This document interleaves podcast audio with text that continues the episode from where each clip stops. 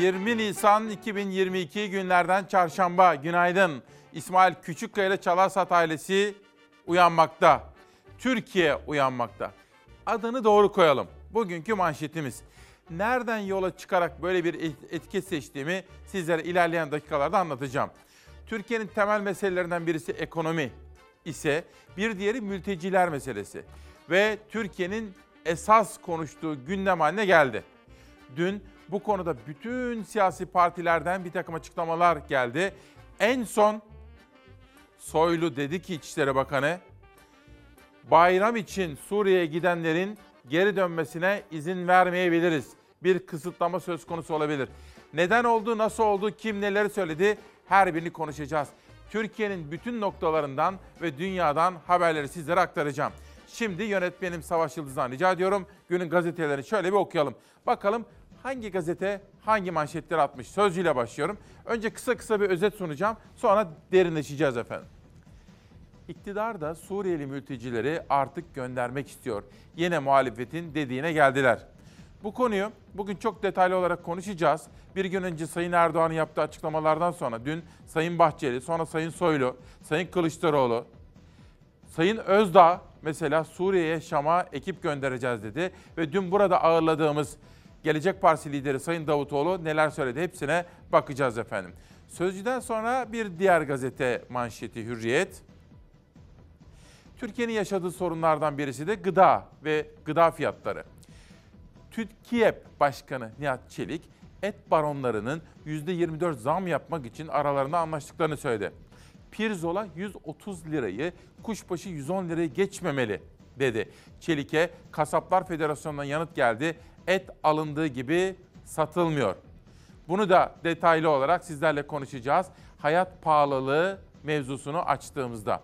Bir sonraki gazetem Cumhuriyet. Halkın önünde duramadılar. Yurttaşın tepkisi Cumhur İttifakı'nın sığınmacı politikası da geri adım attırdı. Dikkatlerinizi ölçmek isterim. Cumhurbaşkanı Erdoğan bir ay kadar önce ne demişti? Efendim? Evet. Demişti ki bu muhalefet iktidara geldiği zaman ülkemizde misafir ettiğimiz mültecileri göndermek istiyor.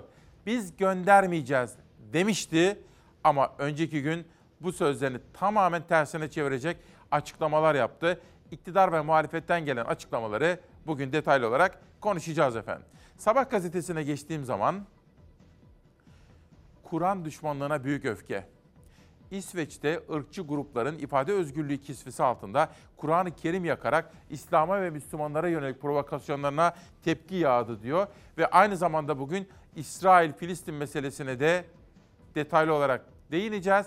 Erdoğan dün İsrail Cumhurbaşkanı ile neleri konuştu ona da manşet olarak bakacağız diyorum ve karara geçiyorum. Siyasetin kozu yine mülteci. Türkiye'nin göçmen ve mülteci problemi seçim atmosferiyle birlikte yeniden siyasetin gündemine geldi. Geçen hafta mültecileri geri göndermeyeceğiz mesajı veren Cumhurbaşkanı Erdoğan onları onurlu bir şekilde geri göndereceğiz diyerek tutum değiştirdi. İlerleyen dakikalarda siyasetçilerin bu konudaki açıklamalarında bütün boyutlarıyla konuşacağız. Bir Gün Gazetesi iktidar halkla dalga geçiyor manşetiyle çıkmış. İktidar yurttaşın beklentilerini yine boşa çıkardı. Zamlı ikramiye, asgari ücrete ek zam ve EYT'liler için yasa yok. Çalışan ve emeklilerden tepki yağdı. Dün NTV yayında konuşmuştu Çalışma Bakanı Vedat Bilgin. Onun yaptığı açıklamaları da bugün detaylı olarak konuşacağız. Ondan hemen sonra dün akşam Candaş Tolga Işık'ın konuğu olan Erkan Baş'ın söyledikleri var. Özellikle geçim meselesiyle ilgili onları da yine konuşmaya çalışacağız bu sabah. Milliyet, tabii işgalin 55. gününde yaşananlar bir taraftan cepheden, bir taraftan müzakere masasından hem de Türkiye'yi ilgilendiren bölümleriyle bunları da konuşacağız. Bunları konuşurken aynı zamanda kahramanlarımızdan, terörle mücadele eden Mehmetçik'ten bahsedeceğiz. Mehmetçik, Metina, Zap ve Avaşin bölgelerinde teröristlerden ele geçirilen sığınak, mağara ve tünelleri kullanılmaz hale getiriyor. Terörle mücadele kapsamında yaşananları da yine detaylı olarak burada konuşacağız. Maalesef şehitimiz var. Şehidimizi de manşet olarak saygıyla anacağız biraz sonra. Milliyetten pencereye geçtiğim zaman bir gazetecinin tutuklandığı haberini okuyoruz. Gazeteci İbrahim Haskoloğlu tutuklandı. Neden tutuklandı, ne olmuştu onları da yine bu sabahki gündemimizde detaylı olarak konuşmaya gayret edeceğim.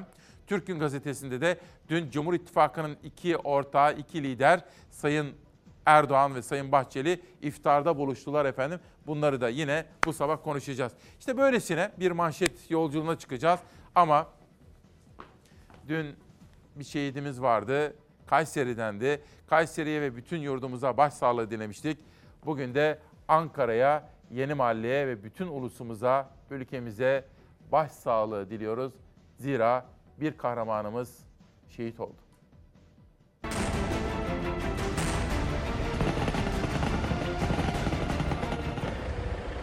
Pençe kilit operasyonuyla teröristlere darbe vurulurken bölgeden bir acı haber daha geldi. Piyade Teğmen Kaan Kanlıkuyu teröristlerin roket atarlı saldırısı sonucu şehit düştü. terörü kaynağında yok etme stratejisiyle operasyonlarımızı gerçekleştiriyoruz, sürdürüyoruz. Pazarı pazartesiye bağlayan gece yarısı başladı. Irak'ın kuzeyinde Metin Azap ve Aveşin Basyan bölgelerinde yuvalanan teröristlere karşı operasyon. Pençe kilit operasyonu e, aynı zamanda bununla da terör yuvalarının kilitleri tek tek parçalanmaya başlamıştır. Mehmetçiğin nefesi teröristlerin ensesinde çok sayıda terörist etkisiz hale getirildi. Terör yuvaları ele geçirildi. Hangi mağaraya girerlerse girsinler, hangi taşın altına saklanırsa saklansınlar, komandolarımız Mehmetçik teröristleri buluyor ve çok şükür etkisiz hale getiriyor. Harekatın 3. gününe girilirken acı haber geldi operasyon bölgesinden. Köşeye sıkışan teröristler Mehmetçi'ye roket atarlarla saldırdı. O saldırıda piyade teğmen Kaan Kanlıkuyu şehit düştü. Evliydi Teğmen Kanlıkuyu. Eşinin hamile olduğu öğrenildi. Ankara Yeni Mahalle'deki evine acı haberi ulaştı. İçişleri Bakanı Süleyman Soylu şehidin ailesine taziye ziyaretinde bulundu.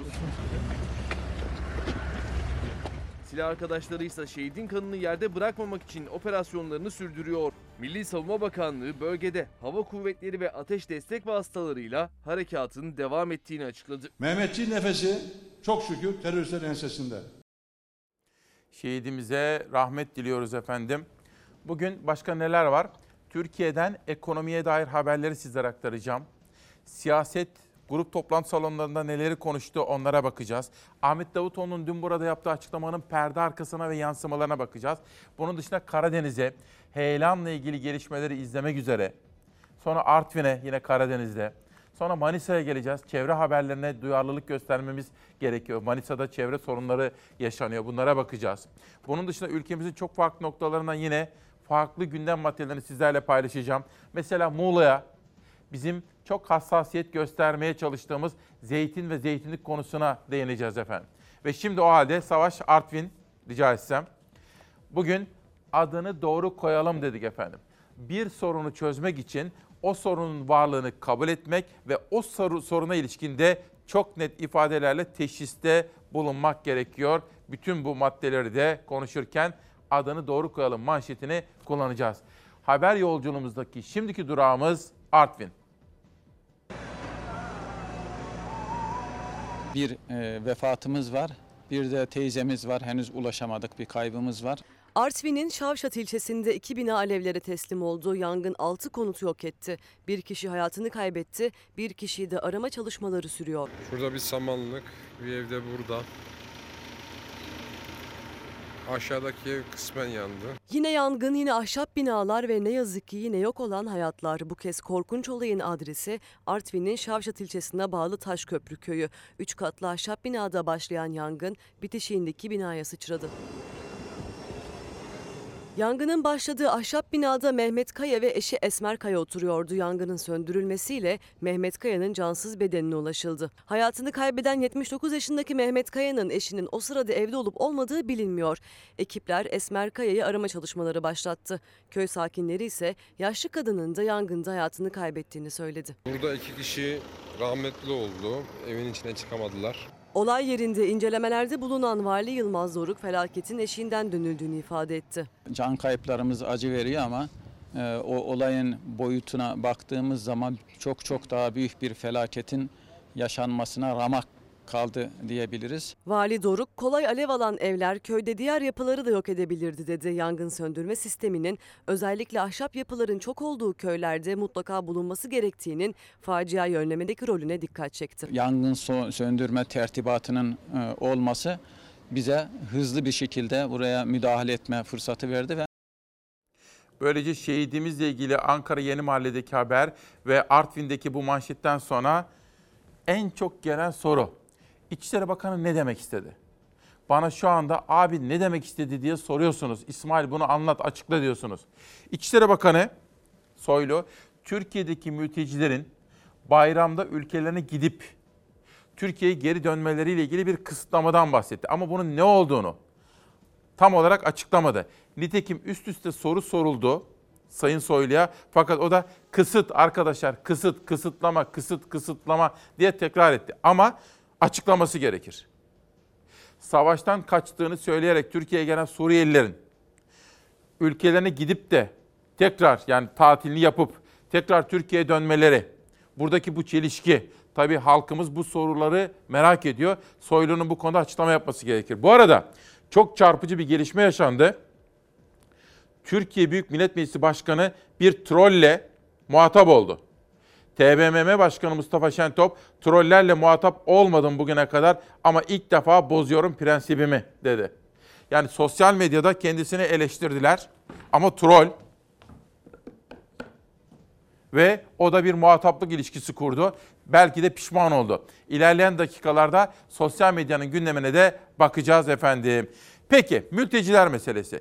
Kılıçdaroğlu'nun sorduğu sorular vardı. Bir de Erdoğan'ın açıklamaları. Burada Kılıçdaroğlu, burada da Erdoğan olacak. Şimdi şöyle sakin sakin konuşalım. Kılıçdaroğlu hükümete sordu. Sığınmacıların gerçek kimlik bilgilerini ispatlamalarını talep ettiniz mi? Bir. Neden vatandaşlık dağıtıyorsunuz? Neye hazırlanıyorsunuz? Vatandaşlık verirken güvenlik soruşturması yapıyor musunuz? Sınırlarımızdan kaçak geçişleri bilerek neden izin veriyorsunuz? Bunlar ana muhalefet partisi liderinin soruları. Ben de sizlere dikkatinizi ölçmek babında bir soru yönelteceğim. Bundan iki hafta kadar önce Soylu bir açıklama yaptı. Türkiye'de kaç Suriyeliye Türkiye Cumhuriyeti vatandaşlığı verdiğini açıklamıştı. Söyleyin bana kaçtır efendim? 192 bin. Tekrar ediyorum.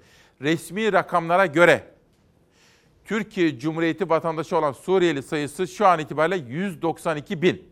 Bunu hatırınızda tutun. Buraya Erdoğan gelsin. Erdoğan'ın farklı tarihlerde yaptığı açıklamalar. 20 Haziran 2021. Sığınmacıların evlerine dönmeleri için çaba göstermek şarttır. 15 Mart'ta 2022'de ev sahipliğine devam edeceğiz. Biz göndermeyeceğiz. Muhalefet partileri seçimi kazanıp iktidara geldiği zaman ülkemizdeki Suriyelileri evlerine göndereceklerini söylüyorlar. Biz göndermeyeceğiz demişti 15 Mart'ta Sayın Erdoğan. Peki dün 18 Nisan 2022 geri dönüşleri için elimizden gelen gayreti gösteriyoruz. Ve hatta yeni bir tabir, yeni bir kavram kullanmıştı Sayın Erdoğan. Gönüllü ve onurlu geri dönüşleri için demişti efendim. Bütün bunları da mülteciler bahsinde konuşacağız. Bu arada Ümit Özdağ bu meselenin çözümü için Zafer Partisi olarak Suriye'ye, Şam'a gideceklerini de söyledi ki bu konuları gündeme ağırlıklı olarak Ümit Özdağ'ın getirdiğini de kabul edelim efendim. Aklınıza şu soru gelebilir. Erdoğan dün öyle söylerken bugün neden böyle konuştu?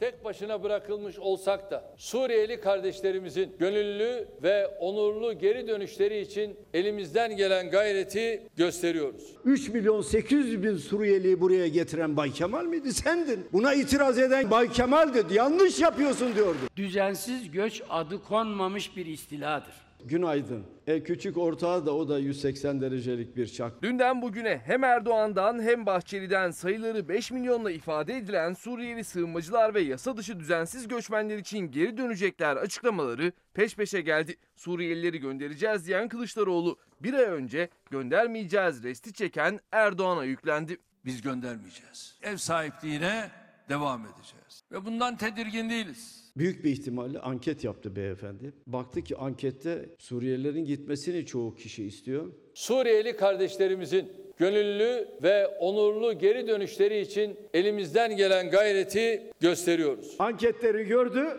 aşağıdan gelen tepkiyi gördü. Üç günde ya. Nasıl bir omurga bu ya? 180 derece nasıl dönüyorsun? Erdoğan'ın Mart'tan Nisan'a Suriyeliler ve yasa dışı göç için değişen söylemi Kılıçdaroğlu'nun hedefindeydi ama 2018 seçimlerinden önce ve sonra da farklı açıklamalar vardı. Seçimin hemen ardından sınırlarımıza yakın yerlerden başlayarak tüm Suriye topraklarını güvenli hale getirmeyi ve misafirlerimizin tamamının evlerine dönmelerini sağlamayı hedefliyoruz. Mültecilerin ve sığınmacıların evlerine dönmeleri için çaba gösterilmesi şarttır. Biz göndermeyeceğiz. Ev sahipliğine devam edeceğiz. Suriyeli kardeşlerimizin gönüllü ve onurlu geri dönüşleri için elimizden gelen gayreti gösteriyoruz. Şu devletin yönetiminden ne kadar kopuk olduklarını görüyor musunuz? Ne kadar bir şey, vatandaş görüyor. Tam rakam 192 bindir. Bahçeli de sabahtan akşama olmaz dedi. Suriyelileri güvenli ve gönüllü uğurlamak hedefimiz diye konuştu. İçişleri Bakanı da Ramazan bayramı için Suriyelilerin ülkesine gidişi için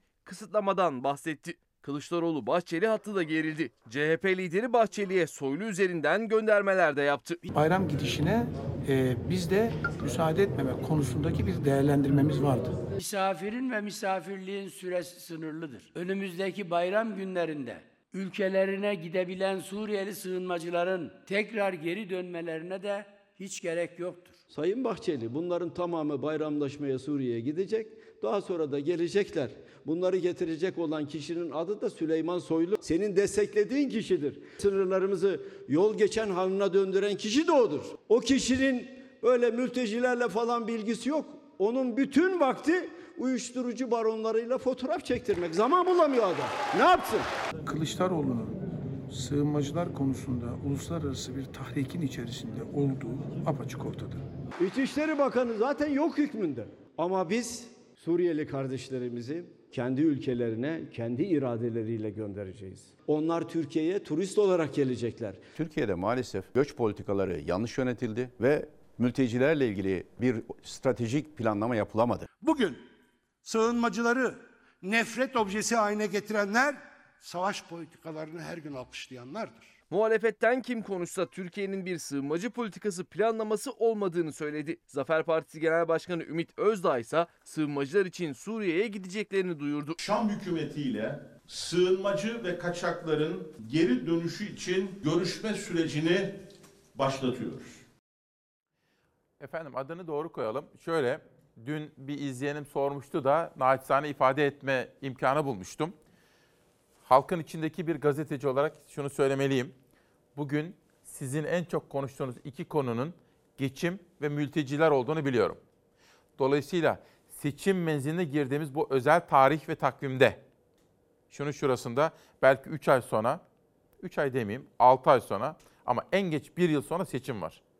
Ve bu seçimde sizin geçim ve mülteciler meselesiyle ilgili duygu, düşünce ve eleştiriniz varsa bunların etkili olacağını biliyorum. Adını doğru koyalım. Ayşin Hanım diyor ki, emekliye ikramiyeye zam yapmadılar. Ama Türkiye'deki 6 milyona yakın sığınmacıyı biz besliyoruz.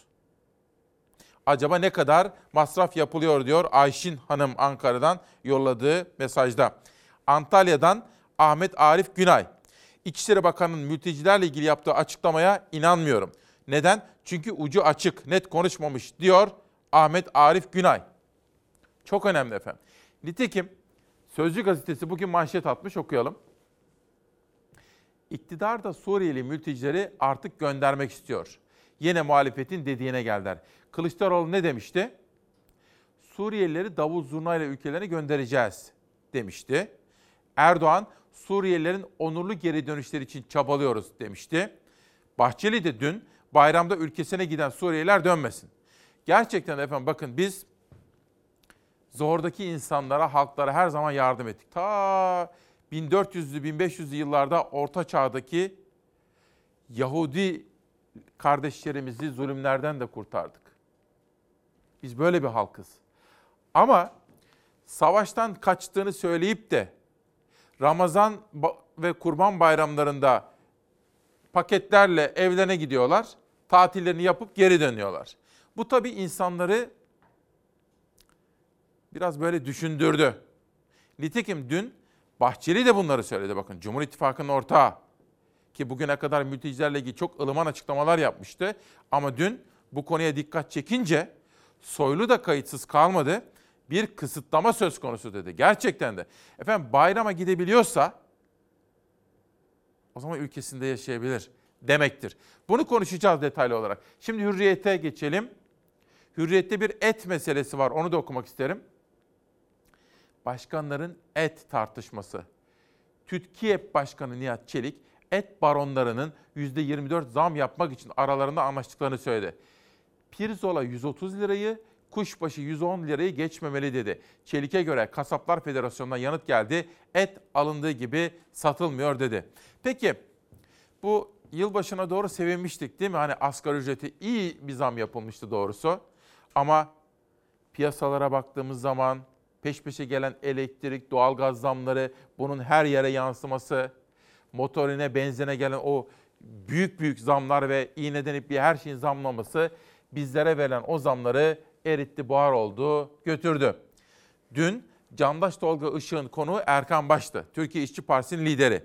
Acaba bu konuda Erkan Baş İşçi Partisi Genel Başkanı olarak neler düşünüyor? Yani kardeşim sen benim üretmemi engelliyorsun.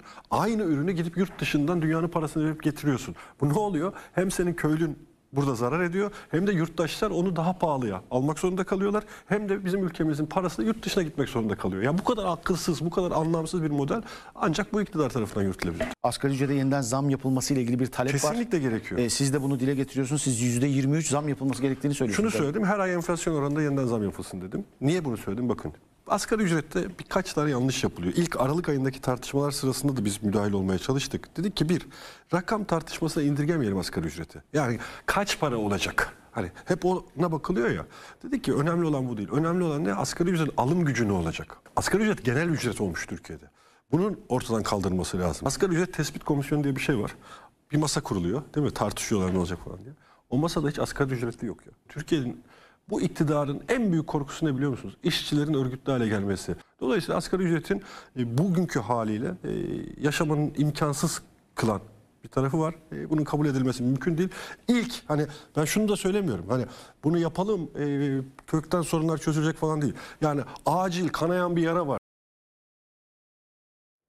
Erkan Baş'ın dün yaptığı açıklamaları arkadaşlarım manşet olarak derleyip toparladı. Rica ettim onlardan çünkü önem veriyorum farklı kesimlerden gelen açıklamalara. İlerleyen dakikalarda Erkan Baş'ın başka bir manşetinde sizlere sunacağım.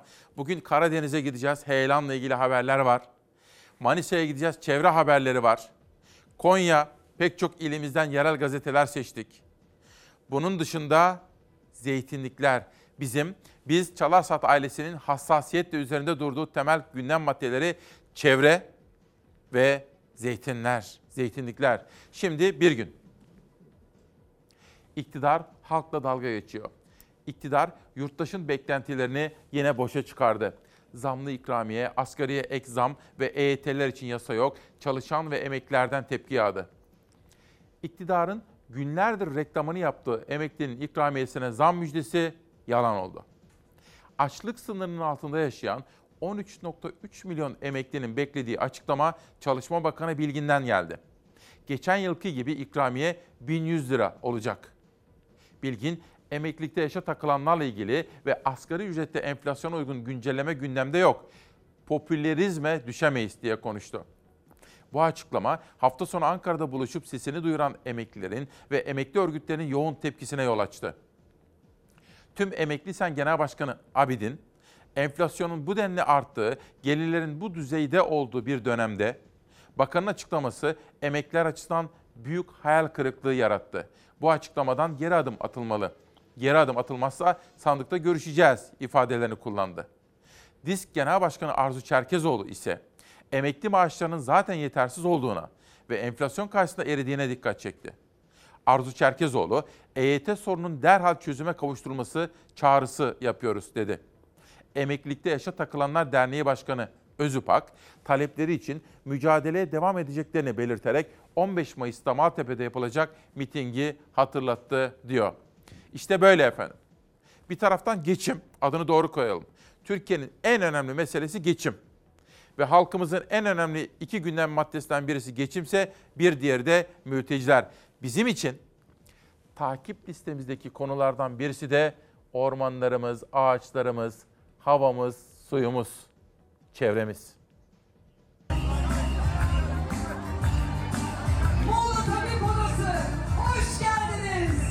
Zeytin yönetmeliğine yönelik protestolar sürüyor. Geçtiğimiz yıl yangınlarla kaybedilen zeytin ağaçları ise yerine koyulmaya çalışılıyor. CHP'li vekil Ahmet Kaya'nın iddiası ise ağaç kesimlerinin yıl yıl arttığı yönünde. AKP yanlış politikaları sonucunda sebep olduğu ekonomik krizden çıkış için ormanlarımız dahil geriye kalan tüm ülke kaynaklarımızı paraya çevirmek istemektedir.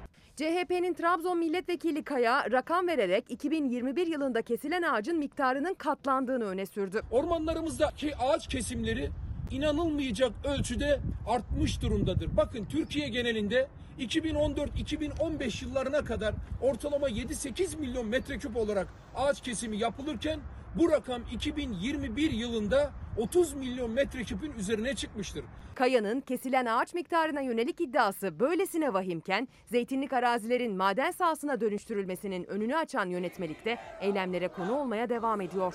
Türkiye'nin ilk ve tek zeytinyağı için bütün Milas halkı kenetlenmiş ve ortak akılla mücadele etmektedir. Muğla'da Milas Kent Konseyi tarafından Zeytin Hayattır, Hayatıma Dokunma mitingi düzenlendi. 1 Mart'ta yürürlüğe giren zeytinlik alanların maden sahalarına açılmasına yönelik yönetmeliğe karşı düzenlenen eyleme Muğla'nın siyasi temsilcileri ve barolarda destek verdi. olsun. Diğer zamanlar olsun. Hep bizim yanımızda olduğunuz için biz de size ufacık bir çoban armağanı hediye ediyoruz. Senirli Mahallesi muhtarı Durmuş Ali Yılmaz'ın plaket takdim ederken dökülen gözyaşları ise geçen yaz yanan zeytinler için. Muratpaşa Belediyesi Gündoğmuş'ta yangında zarar gören zeytincilere yaklaşık 7 bin zeytin fidanı dağıttı. Belediye Başkanı Ümit Uysal mahallenin çocukları tarafından kır çiçekleriyle karşılandı. Muhtarın gözyaşlarıyla takdim ettiği teşekkür plaketi için Uysal aldığım en anlamlı plaket dedi. Kendinizi de kurtaracaksınız, memleketi de. Sırf kendini kurtarmak yok. Mersin Büyükşehir Belediyesi ise Erdemli'de alıç ve avokado fidanı desteğinde bulundu. %50 hibeli olarak 10 ilçede 45'i kadın toplam 255 üreticiye toplam 5307 adet alıç fidanı dağıtılacak. 6 ilçede 40'ı kadın toplam 192 üreticiye ise 3865 adet avokado fidanı dağıtılması hedefleniyor. Topraktan kazandığımız paralarla başka bir kazancımız yok bizlerin. Bizim limon işi genelde limon işimiz var. Portakal, greyfurt, zeytin. Şimdi de avokado ile uğraşmak istiyoruz. Çevreden de görüyoruz. Şimdilik çevredekiler memnun. Hem üretici hem çevre sorunları Türkiye'mizin farklı ül- illerinden manşetleri aktaracağım. Yerel gazeteleri de seçtik sizler için. Sezai Bey ülkemde ne var ki iyi giden diyor. İyi giden şeyler söyleyin bana. Trabzonspor dışında. Dün finale de uzandı. Çifte şampiyonluğa doğru gidiyor. İyi giden şeyler arıyorum. Mesela Ayşe Hanım da sormuş. Kültür sanattan bahsedeceğim. Sergileri takip ediyorum. Dün Haydar Ekinek'i ziyaret ettim. Önümüzdeki günlerde Ankara'da bir başka sergi var. Biraz resim, müzik, İKSV'nin festivali yaklaşıyor. Evet Ayşe Hanım haklısınız. Bu arada İzmir Tabip Odası'ndan Ergun Demir. Sağlık hizmetlerinden katılım payı alınmasına derhal son verilmelidir. Kamucu bir yaklaşıma gidilmelidir diyor Ergun Demir. Bu arada dün bir gazeteci tutuklandı. Şu anda cezaevinde. Ona ilişkin bir haber pencerede var. Okuyalım. Gazeteci İbrahim Haskoloğlu tutuklandı. Kendisinin gözaltına alındığını kamuoyu Fatih Portakal'ın bir tweetiyle öğrendi. Önceki gece, onu söyleyelim, gece yarısı. Sonrasında adliyeye sevk edildi ve tutuklandı. Pencereden okuyorum. Bir hacker grubu tarafından kendisine iletilen kimlik kartı görüntülerini Twitter'da paylaşan gazeteci İbrahim Haskoloğlu tutuklandı. Söz konusu kartlar arasında Cumhurbaşkanı Erdoğan'ın kimlik kartı da vardı. Anka Haber Ajansı'nın emniyet kaynaklarından edindiği bilgiye göre İçişleri Bakanlığı Twitter adresi üzerinden Cumhurbaşkanı Erdoğan ve Milli İstihbarat Teşkilatı Başkanı Hakan Fidan'ın fotoğraf ve bilgilerinin olduğu kimlik kartlarının görüntülerini paylaştığı gerekçesiyle gazeteci İbrahim Haskoloğlu hakkında şikayette bulundu. Sonrasında da mahkeme onun tutukluluğuna hükmetti. Efendim bu da yine dünün çarpıcı gelişmelerinden birisiydi. Ve şimdi sizleri Manisa'ya götürüyorum.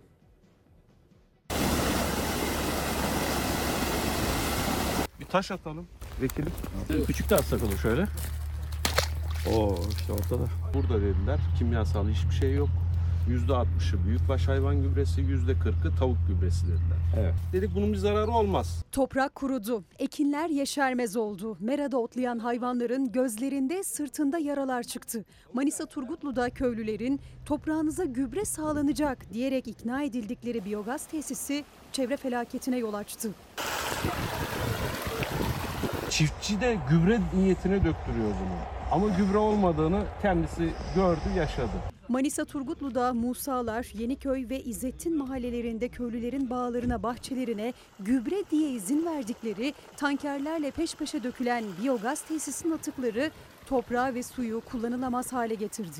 Zift renginde akan sular yüzünden toprağın asit oranı yükseldi. İl Tarım Müdürlüğü bölge halkına toprağınızı ekmeyin diyerek uyarırken çiftçiler, besiciler ne yapacağını şaşırdı. Bu biyogazın sonuçta zararı var yani buraya. Var tabii canım bak. İşte zararı belli ya. Zarar olmayan de- diyen gelsin baksın yani. Tabii Evet. tabii. Kanıt burada. Tuz oranı yüksek olduğu zaman tarla ne olur? Çoraklaşır. Verim vermez. Şimdi zaten yolda gelirken bir yeri gördük. Komple kurumuş yani. Evet. Biz de buna istinaden karşı çıkıyoruz şu anda. Evet.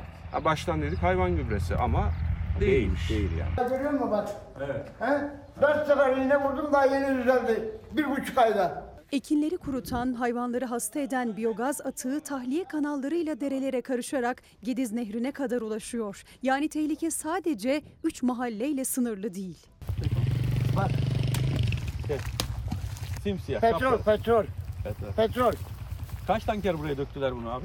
Vallahi birader bak buradan yukarı gitmesi için nereden baksan 50-60 tanker var burada. Bu tahliye kanalından buradan Gediz'e gidiyor bu. Suyun sonu Gediz. Bu kapkara su Gediz'e, Aynen buradan Gediz- Gediz'e Gediz'e bulaşıyor yani. Aynen. Köylülerin dertlerini dinleyen CHP Manisa Milletvekili Bekir Başevirgen, biyogaz tesisinin denetlenmesi için çağrı yaptı. Tarım Bakanı'na buradan seslenelim. Bu topraklar ülkenin geleceği, çocuklarımızın geleceği. Eğer zararlısa bu gübre, bu çiftçilerimize bu gübreyi döktürtmesinler. Neye seviniyorum biliyor musunuz? Tam 9 yıldır her sabah bu konuları gündeme taşıyoruz ya efendim. 9 yıldır tarım tarım. Biz bir zamanlar tarım derken bize kimileri gülüyordu. Hatta bazı izleyenlerim de tepki gösteriyordu. Ya nedir sen de kafayı taktın diye böyle mesajlar gelip de okumuştu. Okumuştum sizlere. Fakat tarım o kadar önemli ki. İşte anladık. Pandemi olmasa da önemliydi. Biz bunu görüyorduk. Yaklaşan fırtınayı. Ama pandemi iyice hissettirdi ve o tehlikeyi yakınlaştırdı. O nedenle gündemi iyi seçmek ve halkı bilgilendirmek, halkı bilgilendirirken, gündemi şekillendirirken iktidarı ve muhalefeti uyarmak. İşte gazetecinin görevi budur. Yoksa gazetecinin görevi yukarıdakileri efendim, Hürmet Bağ, canım efendim böyle değil. Yukarıdakileri alkışlamak, şakşaklamak gazetecinin işi değil. Gazetecinin işi iyi yap, yapıyorlarsa güzel yapıyorsunuz devam demek. Yanlış yapıyorlarsa bu yanlış demek ve doğruyu göstermektir. Budur. Gazeteci tutuklandı. Sonra Türk Günü'ne geçelim. Dün bir iftar vardı. Böyle bir Özbek çadırı mı diyeyim, bir Özbek sofrası mı diyeyim. Heh. Erdoğan'la Bahçeli, Cumhur İttifakı'nın iki lideri, iki ortağı. Türk Günü'nden okuyorum. Erdoğan ile Bahçeli iftar yaptı. Cumhurbaşkanı Erdoğan ve MHP lideri Bahçeli dün akşam iftar yemeğinde bir araya geldi. Erdoğan geçtiğimiz günlerde de Bahçeli'yi evinde ziyaret etmişti efendim. Yönetmenim Savaş Yıldız'dan rica ediyorum. Bunun haberi var. Arkadaşlarım hazırlıyor. Bittiği zaman sizlere sunacağım. Savaş şöyle bir dışarıyı görebilir miyim? İçimiz açılsın. Fox'tan dışarıya doğru baktığımız zaman hem yeşili göreceğiz, hem maviyi göreceğiz, hem hayatı hissedeceğiz. Doğayı, doğanın uyanışını hissedeceğiz efendim.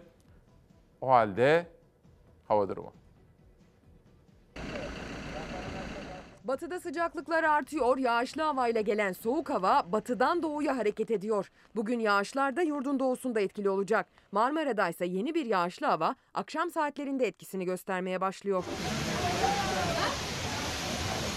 Marmara bölgesinde bugün hava nispeten ılık ve güneşli. Gün ortasında güneşli gökyüzünün etkisi günlerdir üşüten havanın soğuk etkisini kıracak. Ancak akşam saatlerinde Marmara bölgesinde yeni bir yağış görülmeye başlayacak. Bu geceden yarın öğle saatlerine kadar batıdan doğuya hareket edecek yağışlı hava perşembe öğle saatleri gelmeden Marmara'yı terk edeceğe benziyor. Bugün gün içinde yurdun iç ve doğu kesimleriyle Karadeniz bölgesinde yer yer hafif yağış geçişleri görülecek. Yağışlı hava saatler ilerledikçe etkisini kaybedecek. Bu gece Marmara bölgesinden giriş yapan yağışlarsa Batı Karadeniz'den Doğu Karadeniz'e doğru hareket edecek. Perşembe günü bölgeyi batıdan doğuya tarayacak. Perşembe günü yurdun kuzey hattında batıdan doğuya hareket edecek yağışlar geçiş şeklinde görülecek. Marmara'da öğleden sonra yağış yerini güneşli gökyüzüne bırakmış olacak perşembe günü. Yağışlı havayla birlikte gelen serinlikten sonra güneşli gökyüzü bir anda havanın ısınmasına sebep olacak. Asıl sıcaklık artışları ise cuma ve hafta sonunda yaşanacak. Soğuk geçen haftanın son iki gününde sıcaklıklar hızla tırmanacak. Gazeteleri de okumaya devam edelim efendim. Karar. Bu arada bugün sürpriz bir konuğum var. Onun yaptığı tespitleri, açıklamaları önemsiyorsunuz. Dün Ankara'daydı. Hatta Ayşe Buğra hocamızın da katıldığı bir etkinlikte konuştu. Bizim gelecek konuğumuz. Ona önemli sorular soracağız, hazırladık. Karardan bir manşet gelsin. Siyasetin kozu yine mülteci. Bu konuya 8 kuşağında başlamıştım. İlerleyen dakikalarda biraz daha detaylandıracağım. Şimdi Davutoğlu'nu rica edeceğim. Dün İsmail Küçükkaya Demokrasi Meydanı konuğu Gelecek Partisi lideri Ahmet Davutoğlu'ydu. O sözler bugün kararda birinci sayfa manşeti olmuş. Meydan okuyorum. Mal varlıkları araştırılsın. Siyasi ahlak yasasını meclise sevk ettim. Cumhurbaşkanı onaylamam dedi. İl başkanları, ilçe başkanları hepsinin mal varlıkları araştırılsın. Meydan okuyorum. Benim çekinecek hiçbir şeyim yok diyor. Altı lider birbirimizle açık yüreklilikle konuşmazsak masaya zarar veririz. Mesele bizsek her türlü hesabı vermeye hazırım ama bizimle olan hesap AK Parti'nin geniş kitlelerini korkutmamalı diyor Ahmet Davutoğlu. Ahmet Davutoğlu'nun da yaptığı açıklamalar vardı. Mesela Diyanet'in fitre rakamları vardı ya. Davutoğlu fitre rakamları üzerinden yaşanılan ekonomik sorunları gündeme bakın nasıl taşıdı. Diyanet İşleri Başkanlığı fitre açıkladı. 40 Türk lirası. Şimdi 40 Türk lirasıyla ne alınabilir biliyor musunuz? Bir ekmek, bir margarin, 100 gram peynir, 100 gram zeytin bu kadar. Bir günde bunu yiyecek bir fakir. Açlık sınırı 4928 lira, asgari ücret 4253 lira. Olacak bir şey değil. İnsanın yüreğinde derin acı bırakan bir tabloyla karşı karşıyayız. Yangın, deprem, buhran, kriz. Muhalefet bu sözlerle tanımlıyor vatandaş ekonomisini. Gelecek Partisi lideri Ahmet Davutoğlu, Diyanet'in belirlediği 40 liralık fitre üzerinden hem alım gücü hem de asgari ücretle geçinen ailelerin geçim sıkıntısının hesabını yaptı. 40 lira dediğiniz zaman 4 kişilik bir aile günde 160 lira yapar. 30 günde 4800 lira. Yani 4 kişilik bir aile aslında fitre alabilecek durumda Türkiye'de. Asgari ücretlerin hepsi fitre alacak fakir durumunda. Vatandaşın durumu iyi değil. Ya gerçekten iyi değil. Bana inanmıyorsan Sayın Bülent Arınç'ı çağır, bir kendisini dinle Allah aşkına ya. İsmail Küçükkaya ile çalar saatteydi Davutoğlu. Gıda zamları sonrası 40 lirayla bir insanın bir günlük sağlıklı gıda ihtiyacını karşılaması mümkün değil derken 40 liradan yola çıkarak yaptığı maaş hesabıyla iktidar bu milleti fitreye muhtaç hale getirdi dedi. Ortalama ücret Türkiye'de 5000 lira. Ortalama ücret alanların hepsi şu anda fitreye muhtaç hale getirilmiş durumda. Tablo bu. Ülkenin yarısı fitre alacak kadar fakir fukara. Enflasyon da siyasetin gündeminde. Muhalefet eleştirilerinde iktidarı hedef alıp sözünü sakınmazken MHP lideri Bahçeli enflasyon için dünyayı örnek gösterdi. İktidar gibi sabır istedi. Küresel enflasyonun tırmanışı her ülkenin ortak sancısıdır. Türkiye'deki ekonomik çöküş ve bu yüksek enflasyon bu ülkedeki iktidar politikalarının sonucudur. Küresel gelişmelerin buradaki payı devede kulak bile değildir. İyimserliğimizi her zaman muhafaza ederek enflasyon canavarının başının ezileceği, bugünleri de çok yakında görmemiz mümkün olacaktır. 21. yüzyılın Türkiye'sinde 3 milyon 449 bin 344 hanenin elektriği kesiliyor ya. Ödeyemediği için. Cumhuriyet tarihinde böyle bir tablo yoktu. Geçen seneyle bu seneyi karşılaştırmalı bir liste çıkarttım. Margarin 4 liraymış bu sene 10 lira. Kıyma 49 liraymış bu sene 94 lira. Peynir 46 liraymış bu sene 90 lira. Çay 27 liraymış 46 lira. Vatandaşın ne yediğinden, ne içtiğinden, ne yaptığından habersiz bu saray sisteminden yoksulluğun gittikçe arttığı bir sistemden bahsediyoruz. Ekonomi her başlığıyla iktidarı ve muhalefeti karşı karşıya getiriyor. Adını doğru koyalım efendim. Hayatta her şeyin başı budur. Adını doğru koyacaksınız. Sorun veya çözüm. Adını doğru koyalım. Biraz evvel bir haber düştü ajanslara. Hemen arkadaşlarım görüntüyü hazır ettiler. Bursa'da Orhan Gazi'de bir patlama. İnfaz koruma memurlarını taşıyan otobüste bir patlama meydana geldi. Arkadaşlarım küçük bir bölüm hazırladılar size. İnfaz koruma memurlarını taşıyan otobüste nedenini henüz bilemediğimiz bir sebeple bir patlama meydana geldi. Maalesef bir yurttaşımız hayatını kaybetti. Arkadaşlarım gelişmeyi dikkatle takip ediyor ve olay netleştiği zaman bilgileri teyit ettiğimiz zaman sizlere aktaracağım.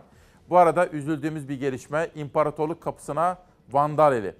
Ayasofya Camii'nin 1400 yıllık imparatorluk kapısı kimliği henüz belirlenemeyen kişiler tarafından tahrip edildi. İstanbul Vakıflar 1. Bölge Müdürü Hayrullah Çelebi Hürriyet'e yaptığı açıklamada olayı doğruladı. Vatandaş bir parça almış oradan soruşturma başlattık dedi. Sözün bittiği yer. Sözün bittiği yer. Dün sizlere aktarmıştım. Gazeteci arkadaşım Levent Gültekin'le buluştuk. Bir sohbet ettik. Ve bu kitabı da imzalı olarak bana armağan etti. Siz Çalarsat ailesine de selamları var. Kitap daha dün elime geçtiği için okumadım ama okuyacağım. Bunun dışında Şahin İlhan, Kaderin Kuantumun içinde, Kalemi Senin Elinde isimli kitabını yazmış, imzalayarak bana da bunu göndermiş. Elif Sofya, bu hafta şiirler de okuyacağız. Biraz sonra sürpriz bir konuğum var. Özellikle geçim meseleleri, çocuklarımız, gençlerimiz ve gelecek konusunda çalışan. Dün de Ankara'da TEBAV'ın toplantısında Ayşe Buğra hocamla birlikte konuşmalar yapan bir konuk. Biraz sonra geliyor efendim. Ama Elif Sofya biraz soluklanalım. Üstüne yürünecek bir fırtına seçelim. Bu yangının acısı üflemekle geçmiyor.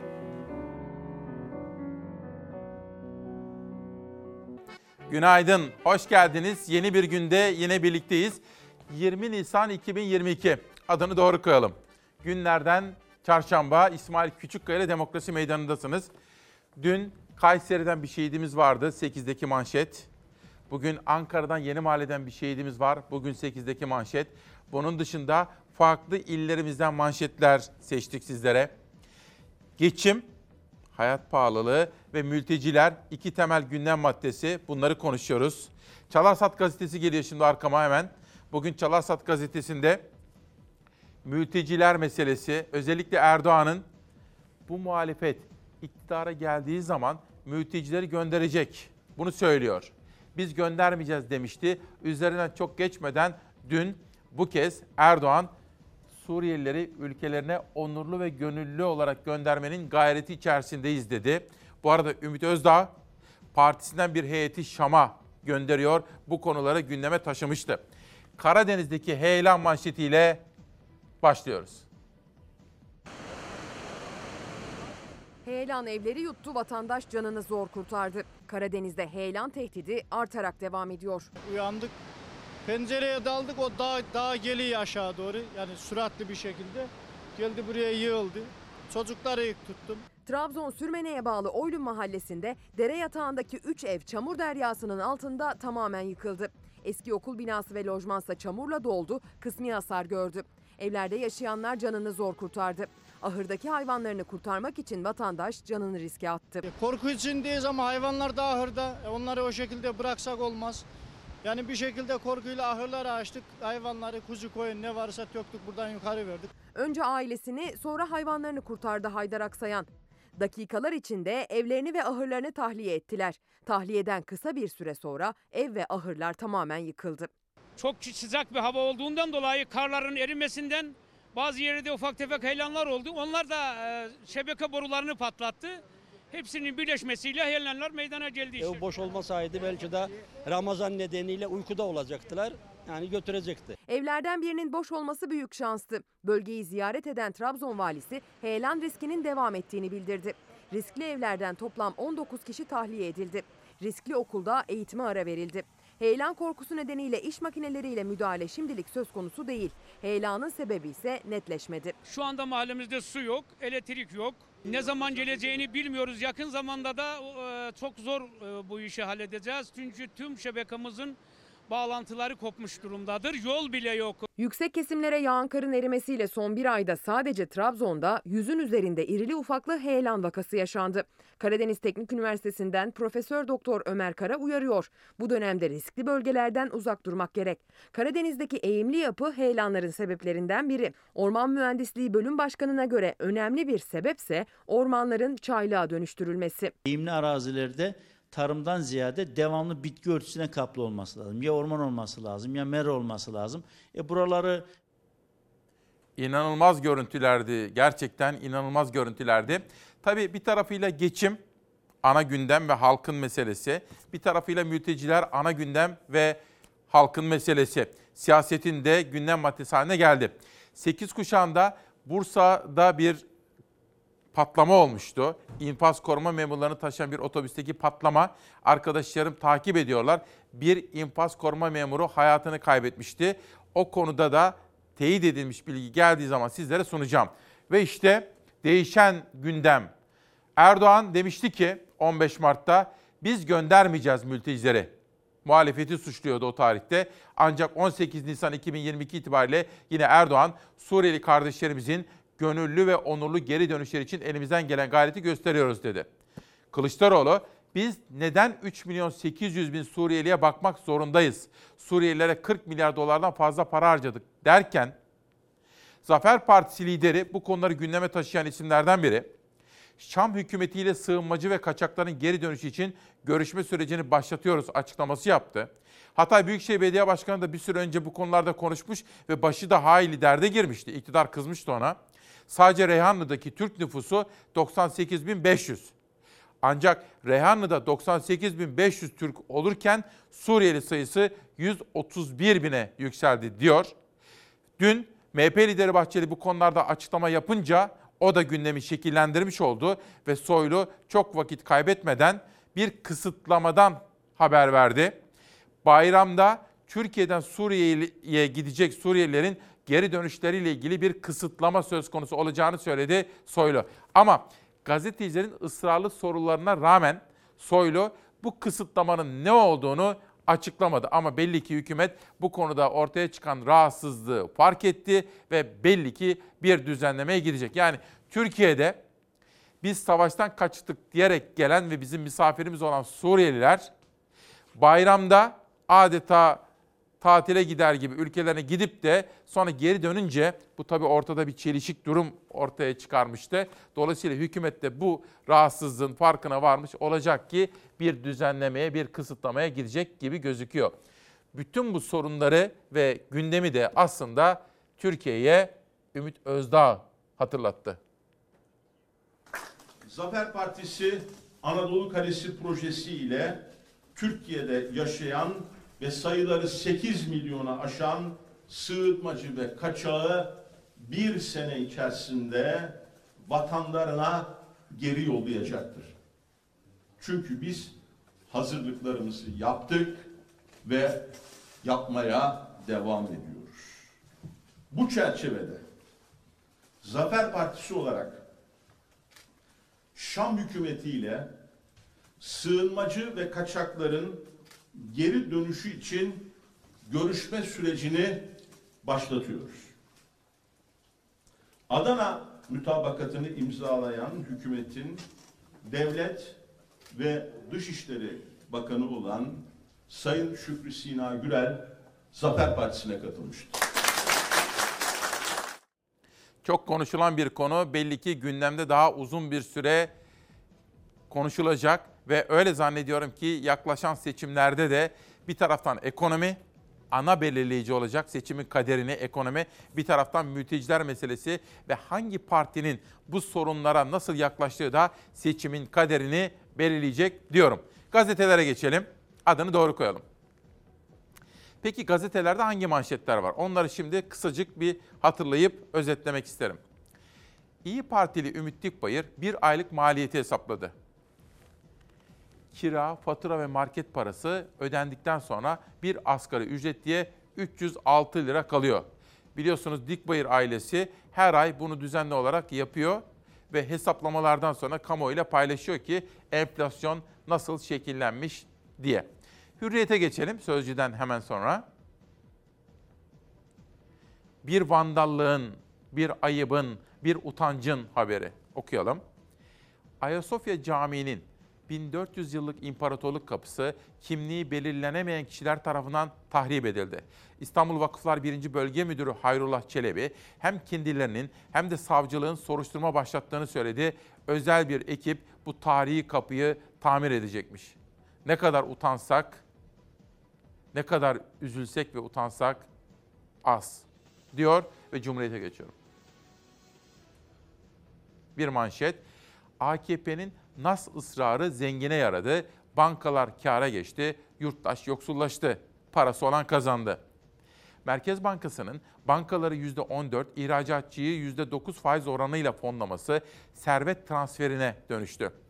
Merkez Bankası sayesinde ucuz para bulan bankaların karlılığı önceki yıla göre %323 arttı. Resmi enflasyonun %61 olduğu ortamda %27 faizle kredi alanlar paradan para kazandı. Ekonomistler bu durum sürdürülemez dedi. Tabii ne oluyor? Doları belli bir yerde durdurmak için böylesine enstrümanlar deneniyor. Dolar duruyor 15'e doğru yakın bir noktada ama bunun hazineye Dolayısıyla bana ve size, hepimize, milli bütçemize olan bedeli, gelecek kuşaklara olan ödenecek riski de arttıkça artıyor. Durum bu. Diyelim ve dünyaya geçelim. Dünya Gazetesi'nden bir haber. Turizmcinin bayram umudu 15 milyar lira. Turizm bölgelerinde bayram yoğunluğu artıyor. 5 gün sürecek şeker bayramı tatil nedeniyle Akdeniz bölgelerindeki otellerde doluluk oranı şimdiden %90'ları buldu. Yer yer %100'lere ulaştı. Pandemi kısıtlamalarının kaldırılmasıyla genel satışlarda geçen yıla göre %40'a yakın artışlar yaşanıyor. Sektör temsilcileri yükselen maliyetlere rağmen otel fiyatlarındaki artışın %50 ile 90 arasında değiştiğini belirtiyorlar. Sektör bayramın 15 milyar lira civarında ekonomik değer yaratacağının tahmin ediyor. Tatilin 9 güne çıkarılması ihtimaliyle hani o arada perşembe cuma var. Onlar da tatille dahil edilirse rezervasyonların son haftaya kadar da süreceğine dair beklentiler artıyor efendim. Dünya Gazetesi'ni de tamamladıktan sonra geçelim bir güne. Rize uzmanı ilanı. Ünlem. Bu da Mustafa Bildirici'nin çok konuşulacak bir başka haberi kişiye özel akademik ilanların ardı arkası kesilmiyor. Cumhuriyet dönemi Rize tarihi üzerine araştırma yapmış doçent arıyorlar.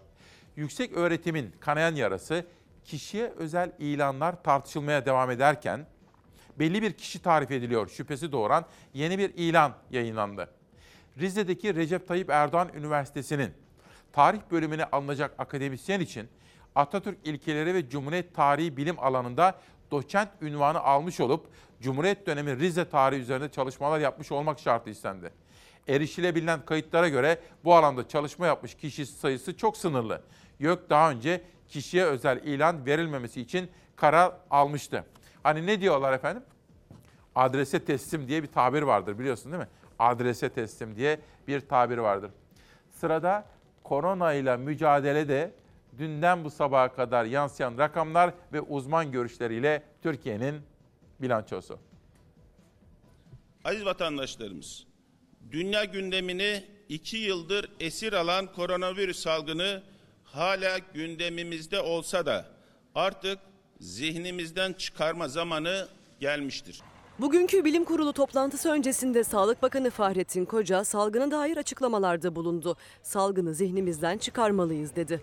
Akıllara bugünkü toplantıda tüm kurallara veda mı edilecek sorusu geldi. Bundan sonra kişisel koruyucu tedbirler ve aşı ile korunup günlük hayatımızı sürdürmek istiyoruz. Türkiye'de dün test yaptıranların sayısı 160 bini aştı. 4217 kişide virüs tespit edildi. Türkiye genelinde hızlı vaka düşüşü devam ederken dün 23 hasta daha virüs yüzünden hayata gözlerini yumdu. Koronavirüs salgını hala gündemimizde olsa da artık zihnimizden çıkarma zamanı gelmiştir. Ülkemiz genelinde hem toplumda hem de hastanelerimize bir rahatlama söz konusu. Muhtemelen bu sürecin değerlendirmesi yapılıp bu sürece doğru bu süre sonrasında bir e, yeni dönem belirlenecektir düşüncesindeyim. Sağlık Bakanı Fahrettin Koca salgını zihnimizden çıkarmalıyız diyerek yeni bir döneme mi işaret etti? Bugün netlik kazanacak. Bilim Kurulu üyesi Profesör Doktor Mustafa Necmi İlhan'a göre kalabalık ortamlarda maske kuralı dışında rahatlama olabilir. Halihazırda bakıldığında maskenin özellikle çok kalabalık ve kapalı yerlerde koruyucunun yüksek olduğunu hepimiz şahit oluyoruz. Bu nedenle belki bu tip çok riskli yerler dışında bir rahatlamanın söz konusu olabileceğini beklemek mümkün olabilir. Profesör İlhan'a göre salgının seyrini belirleyecek birkaç faktör var. Bunlardan bir tanesi virüsün yeni varyantının çok daha bulaştırıcı ya da çok daha ağır hastalık yapan bir varyantın ortaya çıkıp çıkmaması. Bu durum her zaman söz konusu olabilir ama şu anki bilgilerimize göre çok daha düşük bir olasılık gibi gözüküyor ama bu riskin her zaman söz konusu olduğunu da bilmek gerekiyor. Yeni bir varyantın salgındaki iyi gidişi değiştirmemesi için hala tek yol aşı. aşılamanın önemli faktör olduğunu ikinci faktör olarak söylemek gerekiyor. Tabi bu arada bu aşı olan vatandaşlarımızın son dozun üzerinden 6 ay geçtiyse özellikle de kronik hasta olan vatandaşlarımız varsa 65 yaş üzerinde olan vatandaşlarımız varsa bir doz daha hatırlatma dozlarının olmaları en doğru yaklaşım olacaktır kuşkusuz. Bir taraftan tabii dünyadaki gelişmelere de bakıyoruz. Mesela Ukrayna'ya gideceğiz. Mesela Fransa'da seçim var.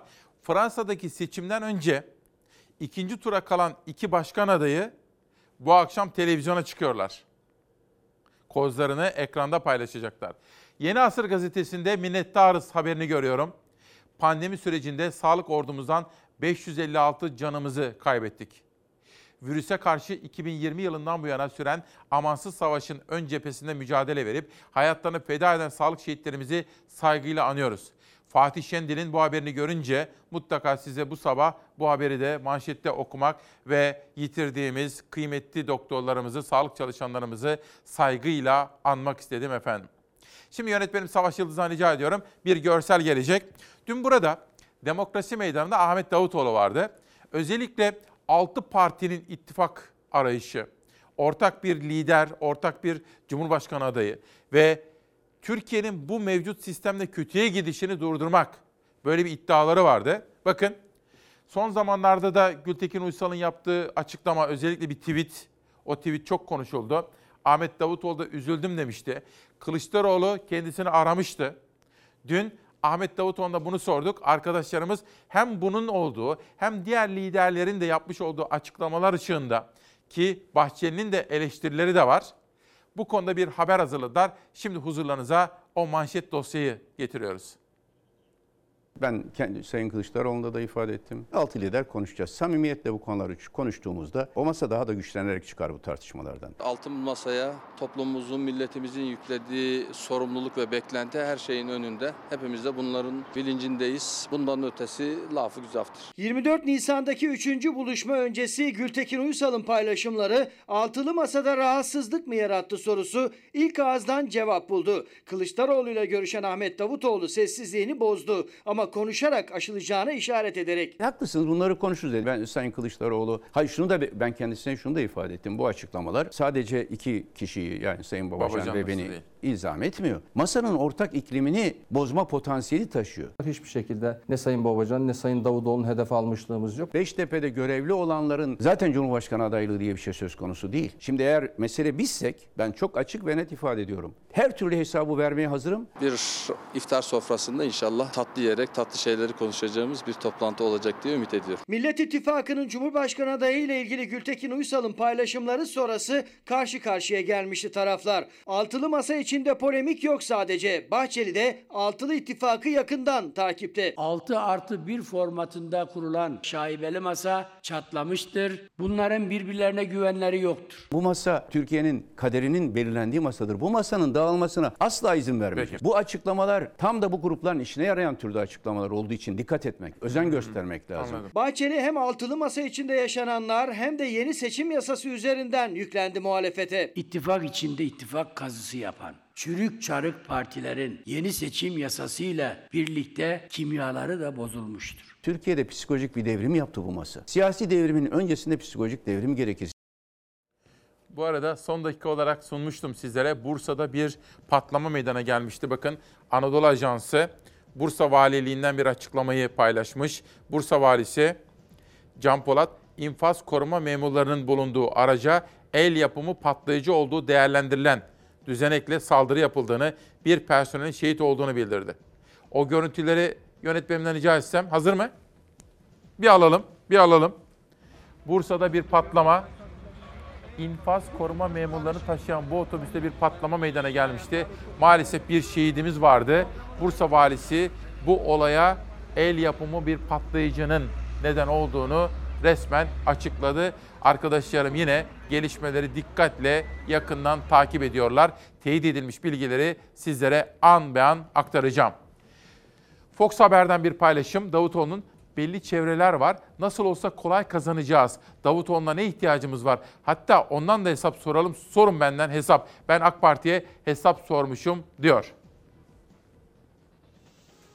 Gültekin Uysal'ın adaylık tweetini sorduk kendisine. Kendisiyle yarın yüzde görüşeceğiz. Altılı masada da konuşacağız. Bu önemli bir konu. Kılıçdaroğlu da kendisine zaten bir telefon açmıştı Davutoğlu'na. İçişleri Bakanı Soylu, Suriyeli sığınmacılar konusunda bayramlarda güvenli bölgelere gidiş konusunda bizim de bir kısıtımız söz konusu. Müsaade etmeme değerlendirmemiz var. Çünkü efendim bayrama gidebiliyorsa bayram ziyaretine o zaman ülkesinde kalabilir diye bir kamuoyunda oluşan hava var ki Bahçeli bu konudaki hassasiyeti gündeme taşıdı dün. Ondan sonra da gündem buna göre şekillendi. Ankara Büyükşehir Belediyesi kadın dostu uygulamalarına bir yenisini daha ekliyor. Geçen yıllarda 21 kadın otobüs şoförünü istihdam eden EGO Genel Müdürlüğü yeniden kadın otobüs şoförü alımı için düğmeye bastı. Bu da sevindirici bir başka haber. Buğday ülkesi Türkiye Hindistan'dan buğday ithal edebilir. Dün gündem çalışmamızı yaparken Nihal Kemaloğlu bu konuya dikkatimi çekti.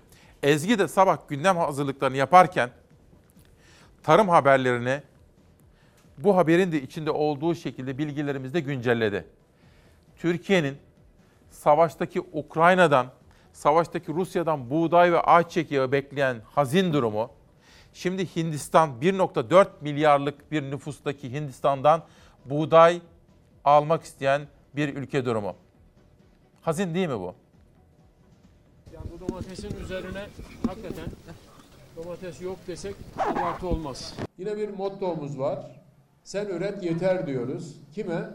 Eli öpülesi bu ülkenin cefakar üreticilerine. Önce yeni mottomuz yeter ki üret dedi, sonra ithal ayçiçek yağında fiyat indirimi olacağını duyurdu. Türkiye'nin Hindistan'la buğday ithalatına dair görüşmeler yaptığı iddiası da aynı gün ortaya atıldı. Tarım Bakanı Vahit Kirişçi Antalya'daydı. Domates topladı, çiftçilerle görüştü, açıklamalar yaptı. Üretime teşvik etmek üzerineydi sözleri ama hem üreticinin isyanı hem rakamlar çiftçinin topraktan uzaklaştığına işaret ediyor. Her şey yüzde yüz, yüzde 260 iken yani bizim nasıl üretmemizi bekliyorsunuz? Ne yapabiliriz yani? Biz şimdi çiftçi olarak ben size soruyorum. İlk kez duymuyor üretici motto kelimesini. Motto kelimesi Tarım Bakanlığı'nda popüler. Eski Tarım Bakanı Bekir Pakdemirli de henüz 6 ay önce su şurasında yeni motto koymuştu. Tarımsal üretimde yeni mottomuz suya göre tarımdır. Yine bir mottomuz var. Sen üret yeter diyoruz. Onlar üretecek. Biz yanlarında her zaman olduğu gibi duracağız. Bazı sözde aklı erenlerimiz farklı baktı, farklı değerlendirdi.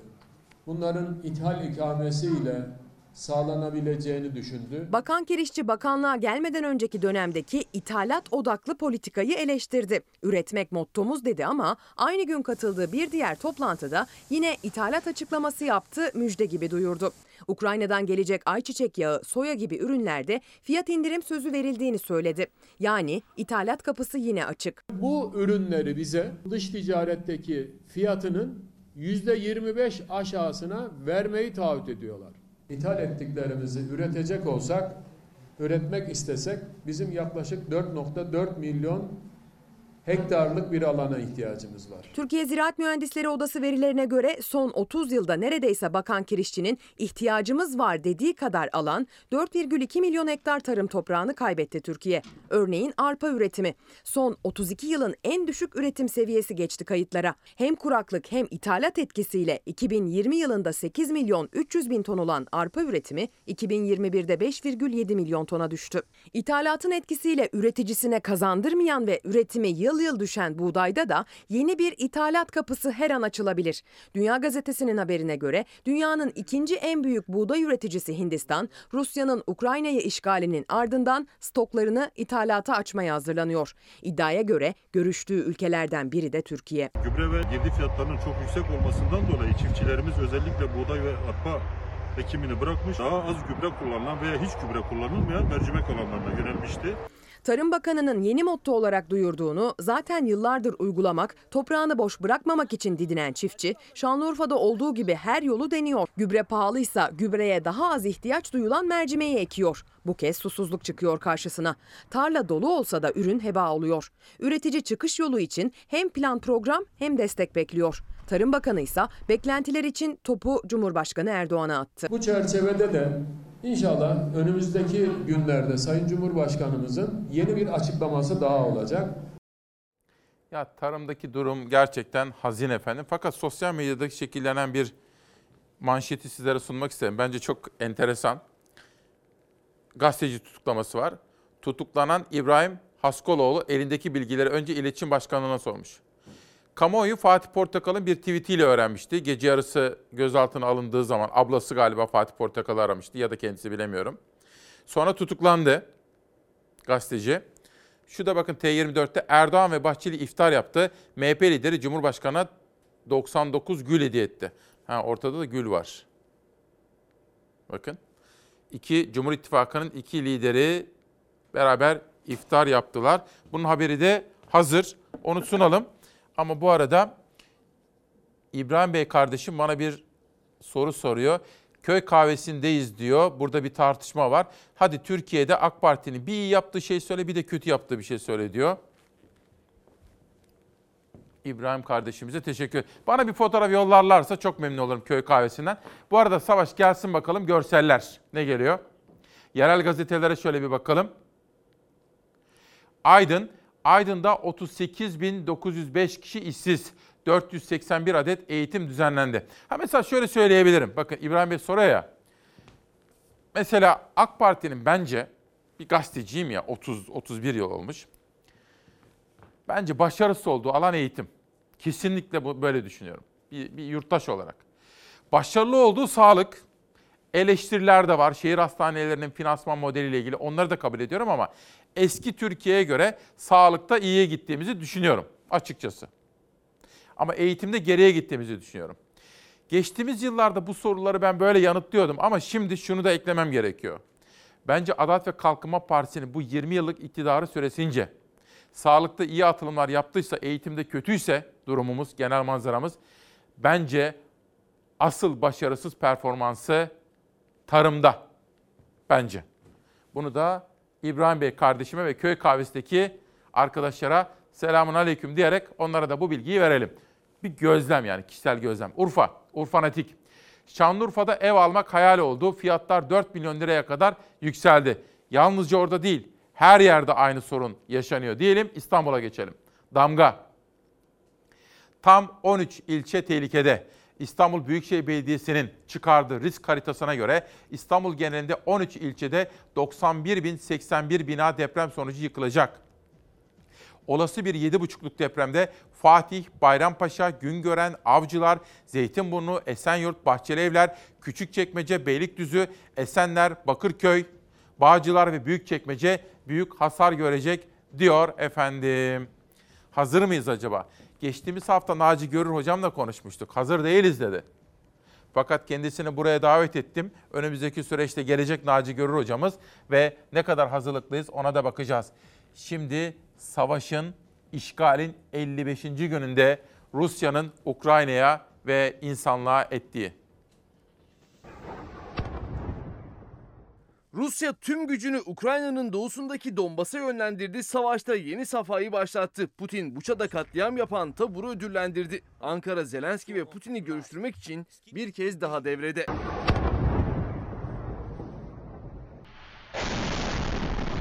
Rusya-Ukrayna savaşında 56. güne girilirken Rusya Ukrayna'da Kiev yönetimini devirme hedefiyle çıktığı yolda hayal kırıklığı yaşadı. Başkent Kiev ve çevresinden katliam yaparak çekilmek zorunda kaldı.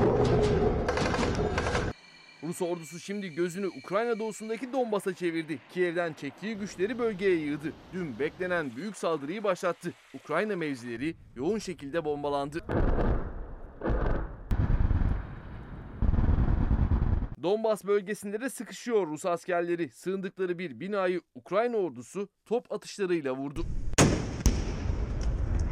Rusya Dışişleri Bakanı Sergey Lavrov da savaşta yeni aşamanın başladığını duyurdu. Rusya yanlısı ayrılıkçı Donetsk ve Luhansk Halk Cumhuriyetlerini kurtarmaya çalıştıklarını savundu. Ukrayna lideri Zelenski'yi hedef aldı. Söyledikleri ne yiyip ne içtiğine göre değişiyor dedi. Rus ordusunun Mariupol'de Ukraynalı askerleri kuşattığı çelik fabrikasında bekleyiş sürüyor. Moskova askerlere bir kez daha teslim olma çağrısı yaptı. Bugün sabah saatlerine kadar süre verdi. Rusya'nın saldırılarıyla yerle bir olan şehirler kameralara kaydedildi. Mariupol kenti harabeye döndü. Irpin'de ise saldırılarda hasar gören araçlar hurdaya çekildi. O araçlar büyük bir tepe oluşturdu. Ukraynalılar Rus saldırılarında hayatını kaybeden Ukrayna askeri için saygı duruşunda bulundu. Asker son yolculuğuna uğurlanırken çevredeki çok sayıda kişi yol kenarına gelerek diz çöktü. Türkiye'nin barış çabaları da sürüyor. Cumhurbaşkanı Erdoğan, Ukrayna ve Rusya büyükelçilerinin de katıldığı iftar yemeğinde konuştu. Taraflara ateşkes çağrısı yaptı. İki komşumuz arasında önce ateşkesin ardından da kalıcı barışın tesisi insanlık adına yapılmış en hayırlı işlerden biri olacaktır. Taraflar somut ilerleme kaydetti. Ancak Buça ve İrpin'den gelen görüntüler çabalarımıza gölge düşürdü. Erdoğan'ın bahsettiği Buça katliamı ile ilgili Rusya lideri Putin çok konuşulacak bir karar aldı. Savaş suçu işlemekte suçlanan 64. Motorize Piyade Taburu'nu ödüllendirdi. Taburu ana vatanı ve devlet çıkarlarını savunduğu için muhafız ünvanını verdi. Askerleri cesaret ve kahramanlıkları nedeniyle övdü. Cephedeki gelişmeleri Zafer Söken takip etti. Bunun insani dram boyutunu Beyza Gözeyik izledi. İlerleyen dakikalarda onu da sizlere aktaracağım efendim. Dün Ankara'da bir toplantı vardı. Ajanslarda dikkatimi çekti. Hacer Fogo, onu derin yoksulluk ağından tanıyorsunuz. Şimdi yeni bir görev ve sorumluluğu daha var. Ayşe Buğra hocamın da katıldığı Ankara'da bir etkinlikteydi. Davet ettim kendisini. Konuşmamız gerekiyor. Çocuklarımız, yoksulluk, gelecek, umut bunları konuşmak için Hacer Fogo geldi ve biraz sonra sizlerle buluşturacağım efendim. Bu arada Sedef Kabaş meslektaşım bu kitabı imzalayarak bana göndermiş. Hocaların hocası Nermin Abadan Unat. Hayatını seçen kadın. Hem Nermin Abadan Unat'ı saygıyla selamlıyorum. Hem de hem de Sedef Kabaş'a teşekkür ediyorum. KAHEV sizlere daha evvel bahsetmiştim. Kadın hekimleri destekleyen bir sivil toplum. Doktor Neşet Çam ve Doktor Murat Çam bu kitabın geliri de KAHEV'e olacak. Yani okuyan çocuklarımıza destek olacaklar. Hukuk diyoruz her sabah olduğu gibi Daha iyi Yargı Derneği'nden de A'dan Z'ye Yargı Reformu isimli kitap geldi. Sırada da Savaş'tan özellikle rica ettiğim bir çalışma var. Bir kültür, sanat, hani sergilerden de bahsediyordum. Dün Haydar Ekin Ekin bir sergisine gittim. Önümüzdeki günlerde Ankara'da, İstanbul'da sergiler var. Onları takip ediyoruz demiştik. Konserler var İKSV'nin. Tiyatro festivali bitti. Hepsini anlatmaya çalışıyoruz demiştik. Çiğdem Toker'in dikkatimizi çektiği bir grup Ruken Barış'ın sesiyle. Ama dikkatinizi istiyorum. Çok nitelikli bir çalışma. Tersini almış da ediyor ezber Dersini almış da ediyor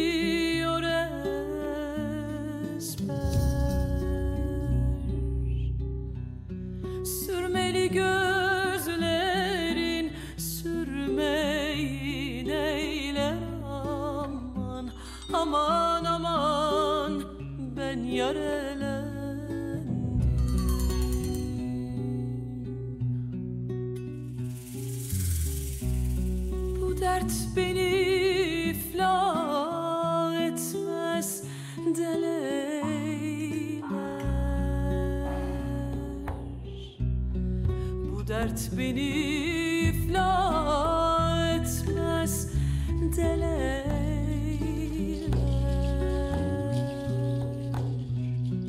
Benim dert çekmeye dermanım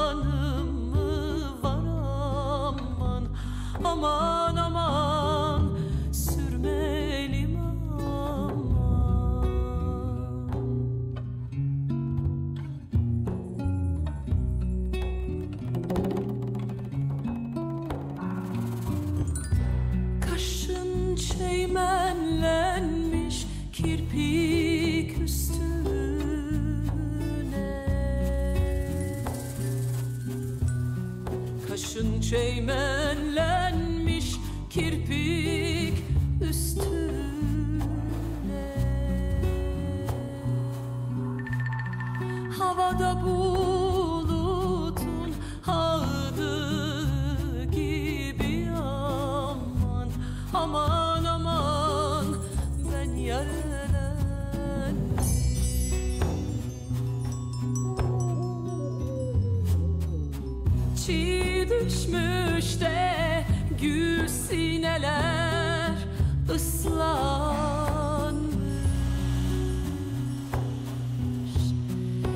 düşmüş de gül sineler ıslanmış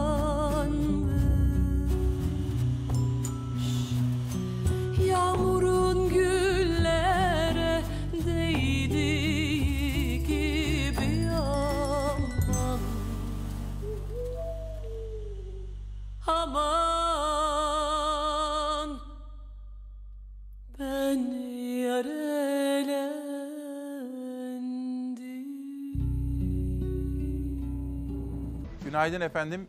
Bugün özel günlerden bir tanesi. Özel bir konuğum var Hacer Fogo ama önce bir son dakika gelişmesi. Sabah sizlere de aktarmıştım. Bursa'da infaz koruma memurlarını taşıyan bir otobüse bir saldırı düzenlendi. Bir yurttaşımız, bir infaz koruma memuru şehit oldu. Bunun haberiyle başlıyorum. İçişleri Bakanı Soylu bu konuda bir tweet attı. Bursa Mudanya yolunda infaz koruma memurlarının geçişi esnasında bir EYP'nin el yapımı patlayıcının uzaktan kumandayla patlatılması sonucu bir infaz koruma memurumuz şehit oldu. Faillerin yakalanması için çalışmalar sürüyor. Şehidimize Allah'tan rahmet, yaralı personelimize acil şifalar diliyorum. Bizim de arkadaşlarımız bu konuyu detaylı olarak takip ediyor. Ve vali bu konuda ne dedi? Hemen izleyelim. İnfaz aracımızın e, malum bu güzergahta hareket ederken e, ileride sizlerin de gördüğü ağacın dibine bırakılan el yapımı patlayıcı olduğu değerlendirilen ve e, uzaktan e, kumandayla yönetilmiş olabileceği değerlendirilen bir patlayıcının patlaması sonucunda maalesef ki bir ceza infaz memurumuz şehit oldu. Bir ağır yaralımız var. Onun dışında da üç tane hafif yaralımız var. Tedbiren diğer arkadaşlarımız, otobüste bulunan diğer arkadaşlarımızı da hastaneye sevk ettik. Genel sağlık durumlarına bakmak için. Vaziyet bundan ibaret. Adalet Bakanımız ve İçişleri Bakanımız da konuyu yakinen takip ediyor sabahtan beri ve Bursa'ya gelmek üzere de yola çıktılar. Geçmiş olsun. Efendim uzaktan e, bir düzenek atlatıldığına göre bir terör saldırısı olarak gözüküyor ilk etapta değil mi efendim? Öyle gözüküyor evet. E, yaralarımızdan... Öyle değerlendiriliyor şu an. Hızlı bir şekilde bütün güvenlik birimlerimiz bölgeyi incelemeye aldı. Konu her yönüyle değerlendiriliyor. En kısa zamanda bir netice almak istiyoruz. Efendim kaç kişi vardı servis? E, 30'a yakın kişi vardı. Bir şehidimiz var, Biri- bir ağır yara- yaralımız var. Evet. toplam 4 yaralı mı efendim? Onun dışında da 3 tane yaralımız var. Çevrede bazı binalarda cam kırıkları var. Onlar da hasar tespitini yapıyoruz. Hızlıca vatandaşımızın mağduriyetini gidereceğiz. Onun dışında sivil vatandaşa yönelik herhangi bir e, etkisi olmadı. Şehidimize Allah'tan rahmet diliyoruz. Ailesine başsağlığı diliyoruz. Arkadaşlarımız da takip ediyor. İçişleri Bakanı gibi Adalet Bakanı Sayın Bekir Bozdağ da bu konudaki paylaşımını yaptı. Hem şehidimize rahmet diledi hem de olayın failleriyle ilgili soruşturmanın başlatıldığını Soylu açıklamıştı biliyorsunuz. Bu konuyu takip ediyoruz. Fakat bugün çocuklarımızın yoksulluğun, yoksulluğun acısını yaşayan, hisseden kadınlarımızın ve çocuklarımızın durumu. Onun yaptığı açıklamaları çok önemsediniz her zaman. Derin yoksulluk ağından tanıyorsunuz. Şimdi başka sorumlulukları da var. Derin yoksulluk ağındaki sorumluluğunu genç arkadaşlara bayrak yarışında teslim etti. Hacer Fogo bu sabah İsmail Küçüköy'le Demokrasi Meydanı konu. Hoş geldiniz. Hoş bulduk, teşekkür ederim. Dün Ankara'daydınız. Evet. Bizim de çok saydığımız Ayşe Buğra hocamızla da aynı ortamda. Evet. Ondan bahsedeceğiz. Bir baktım şöyle ajanslara ve sizin tweetlerinize. Fakat sizi benim bugün davet etmemdeki sebep son günlerde artan çocuklarımızın bu yoksulluk nedeniyle beslenememesi. Evet. Okul çantası gibi sorunlar. Evet. Bunu ne yapacağız? Şöyle en son yapılan araştırmayı biliyorsunuz Türk Aile Hekimleri dergisinde çıkmıştı ve 1040 çocuk üzerinde yapılan bir araştırma. %85 kız çocuklarının e, kansız oldukları, %68 de erkek çocuklarının. Bu ilk öğretim ortaokul ve lisedeki çocuklarla ilgili yapıyor. Aynı zamanda bu bunun en büyük kaynağı maalesef yetersiz beslenme. Şimdi çocuk e, daha önce de konuşmuştuk sizinle. Çocuk zaten evde sağlıksız bir beslenme içerisinde özellikle derin yoksulluk yaşayan mahallelerde ama en azından okulda sağlıklı beslenmesi gerekiyor. Şimdi bununla ilgili bir çalışma yapmış bakanlık zaten. Sağlık Bakanlığı. Sağlık Bakanlığı. Elinizdeki çalışma o mu? Yani Sağlık Bakanlığı, Hazine Bakanlığı, Milli Eğitim Aile Bakanlığı 2019-2023 stratejik Plan. planda Tamam. zaten diyor burada diyor? eee, okul yemeğinin yaygınlaştırması diyor. Yani bir an şey eee, beslenme dostu okullar programını yaygınlaştırma, okul yemeği programının başlatılması. Şimdi çocuk eylem planında da diyor ki bunun sağlıklı büyümenin sağlanabilmesi için önce Doğu ve Güneydoğu e, Anadolu'da başlamak üzere okul yemeği programının öncelikle uygulamanın yapılması ve bütün Türkiye'de yaygınlaşması diyor. Bu çocuk eylem menüler dahil çıkartılmış o zaman ve 2020'de başlaması gereken bir programdı. Ama henüz başlamadı. Niye Doğu Güneydoğu Anadolu'da başlıyor? Çünkü yetersiz beslenmeden kaynaklanan bir obezite çok arttı. İki e, yine kısa boy e, ve bodurluk e, arttığı için. Makarna ve buğday ağırlıklı E besleniliyor. tabii çünkü tek tip özellikle şimdi gıda fiyatlarının artmasıyla birlikte tek tip beslenmeye geçti. Tek tip dediğimiz şey ne? O da obezite işte bütün yaratıyor. günü evet Tek makarnayla, makarna. patates kızartmasıyla, Oysa işte unla. proteinini, etini falan yeterli Tabii, alamıyor öyle tabii ki alamadığı için bu yani üç kuşak boyunca bu sağlık yani kronik açlık böyle bir şey. Üç kuşak boyunca o sağlıksız bir nesillerin yetişmesi e, devam etmesi demek. Yani yetişkin olduğunda Burada buna- da hani devletimizin bakanlıkları da kabul etmiş. Çocukların okul Evet. çantası beslenmesi. Tabii ki ve bunun ilk Doğu Güneydoğu Anadolu'da başlayıp sonra Türkiye'de yaygınlaşması. Bunun gerekçesi olarak da zaten obeziteyi e, anlatmış Sağlık Bakanı. Bakanlığı gerekçelerinde. raporlarda var, öyle mi? Tabii ki hepsinde var. Yani hem bu 2019-2023 e, stratejik eylem planında var. Hem yine Sağlık Bakanlığı'nın çocuk eylem planında var. Orada da biraz önce dediğim gibi sağlıklı büyümenin sağlan- sağlanabilmesi için okul yemeği programının yaygınlaştırılması Ne diyor. öneriyor bu? Yani okul yemeği programı derken çocukların okulda Yani beslenmesi. evet yani onunla ilgili oturmuşlar uzmanlarla birlikte bir beslenme çantası çıkarmışlar beslenme programı ve bunun e, şeyden Doğu, Güneydoğu Anadolu'dan başlayıp Türkiye'de ye kadar yaygınlaşması. Çünkü bütün devlet coğrafyalarımızdaki çocuklarımız bu sorunu yaşıyor. Kesinlikle yaşıyor. Bir şey soracağım size. Evet. Şimdi önceki gün annem aramıştı da beni. İşte sen dedi böyle hep fakirlerden, fukaralardan da bahsediyorsun tamam mı? Bırak bu işi demişti. Şimdi işte benim tansiyonum yükseldi falan. Ben onunla biraz konuştum. Fakat dün bir telefon daha aldım. Şeyda Hanım Bodrum'dan. İşte dedi ki İsmail Bey dedi siz böyle gösteriyorsunuz bunları ama dedi benim ben sıkıldım artık ben dedi. Dedim ki siz dedim bir otel sahibi aslında. Kaç Evet. yaşındasınız dedim Şeyda Hanım dedim. 62 yaşındayım. Siz böyle bir dönem gördünüz mü dedim. Görmedim dedi. E dedim ben işte hani annemin de bana öyle diyordu. İşte Kibariye'nin Ben kızı... Şeyda Hanım için bir şey söyleyebilir Lütfen miyim söyler buradan? misiniz?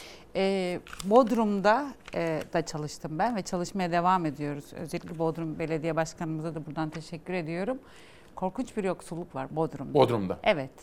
Ee, hatta Pekstet, Ma- Peksmet Mahallesi. Ben mahalle isimlerini de kendisine yazarım. Birlikte çalışalım orada.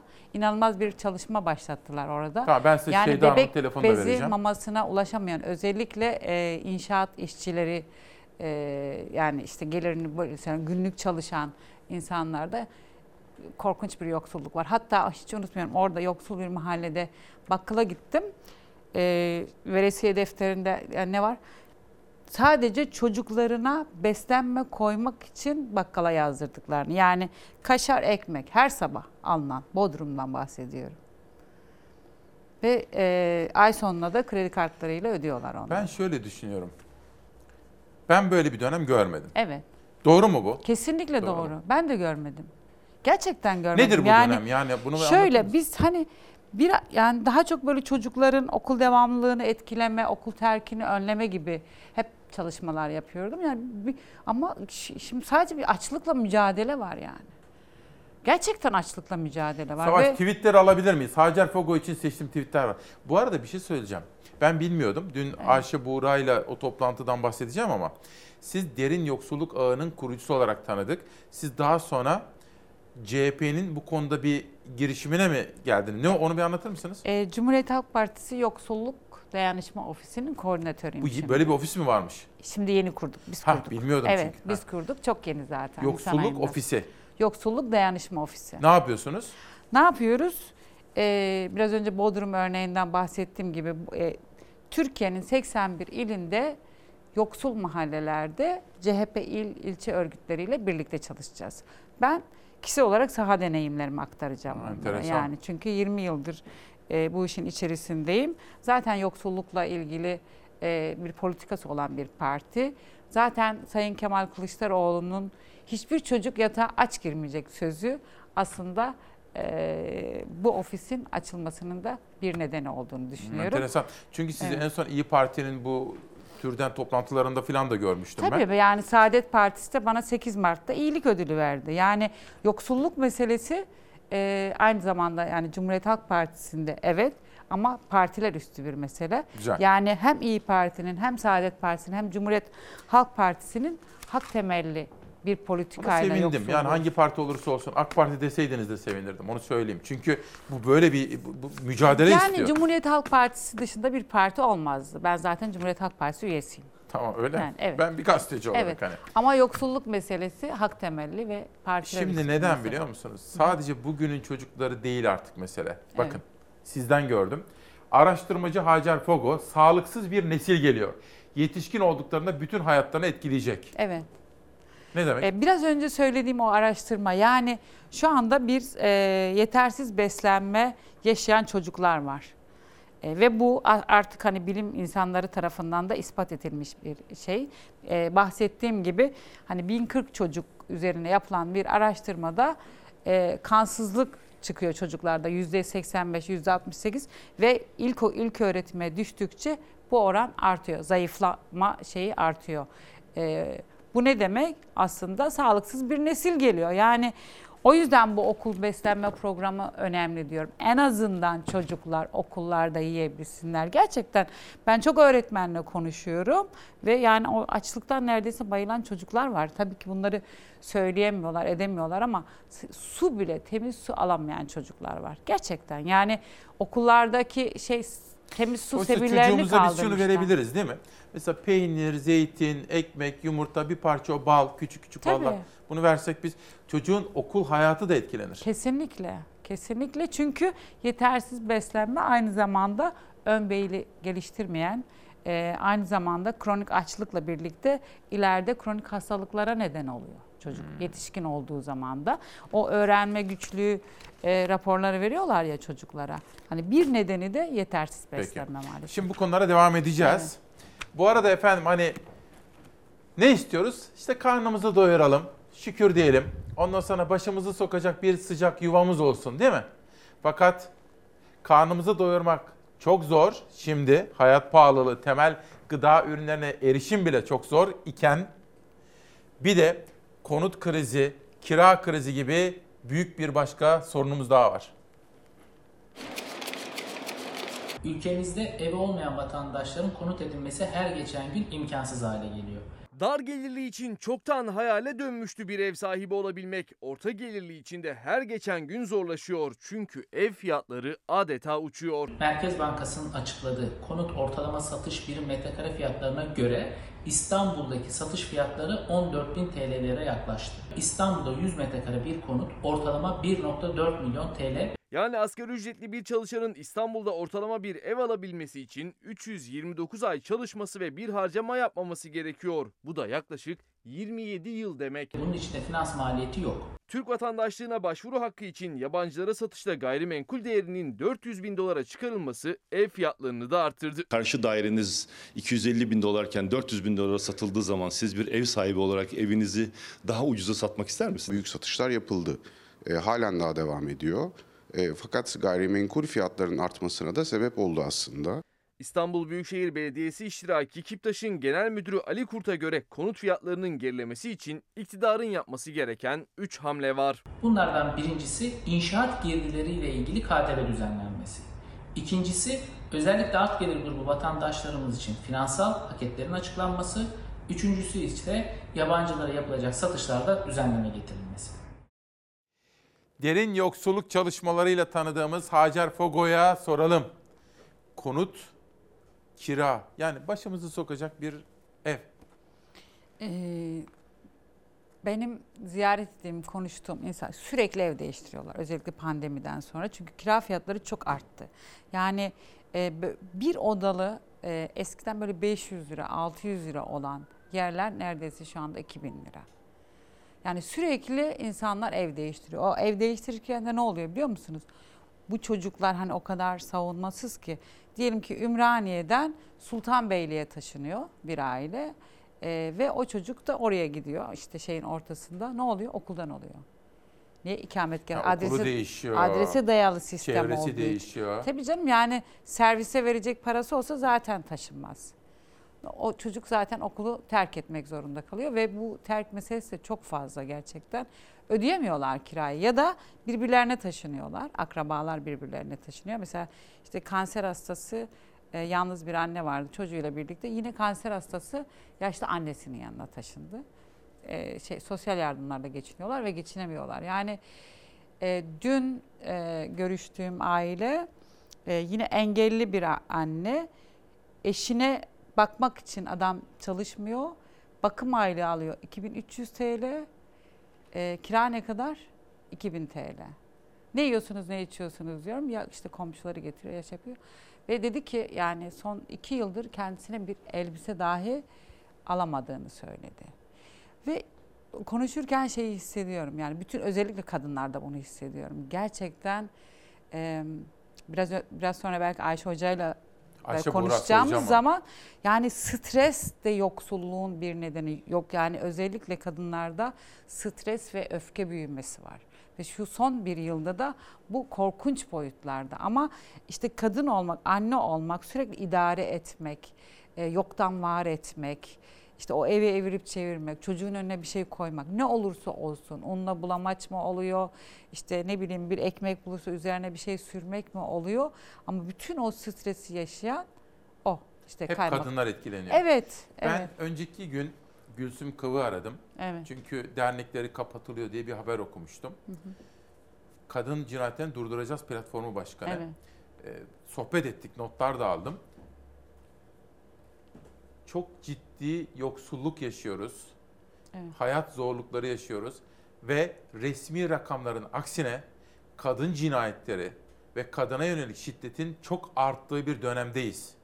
Özellikle ekonomik Evet. zorlukların yaşandığı dönemde dedi Gülsüm Kav.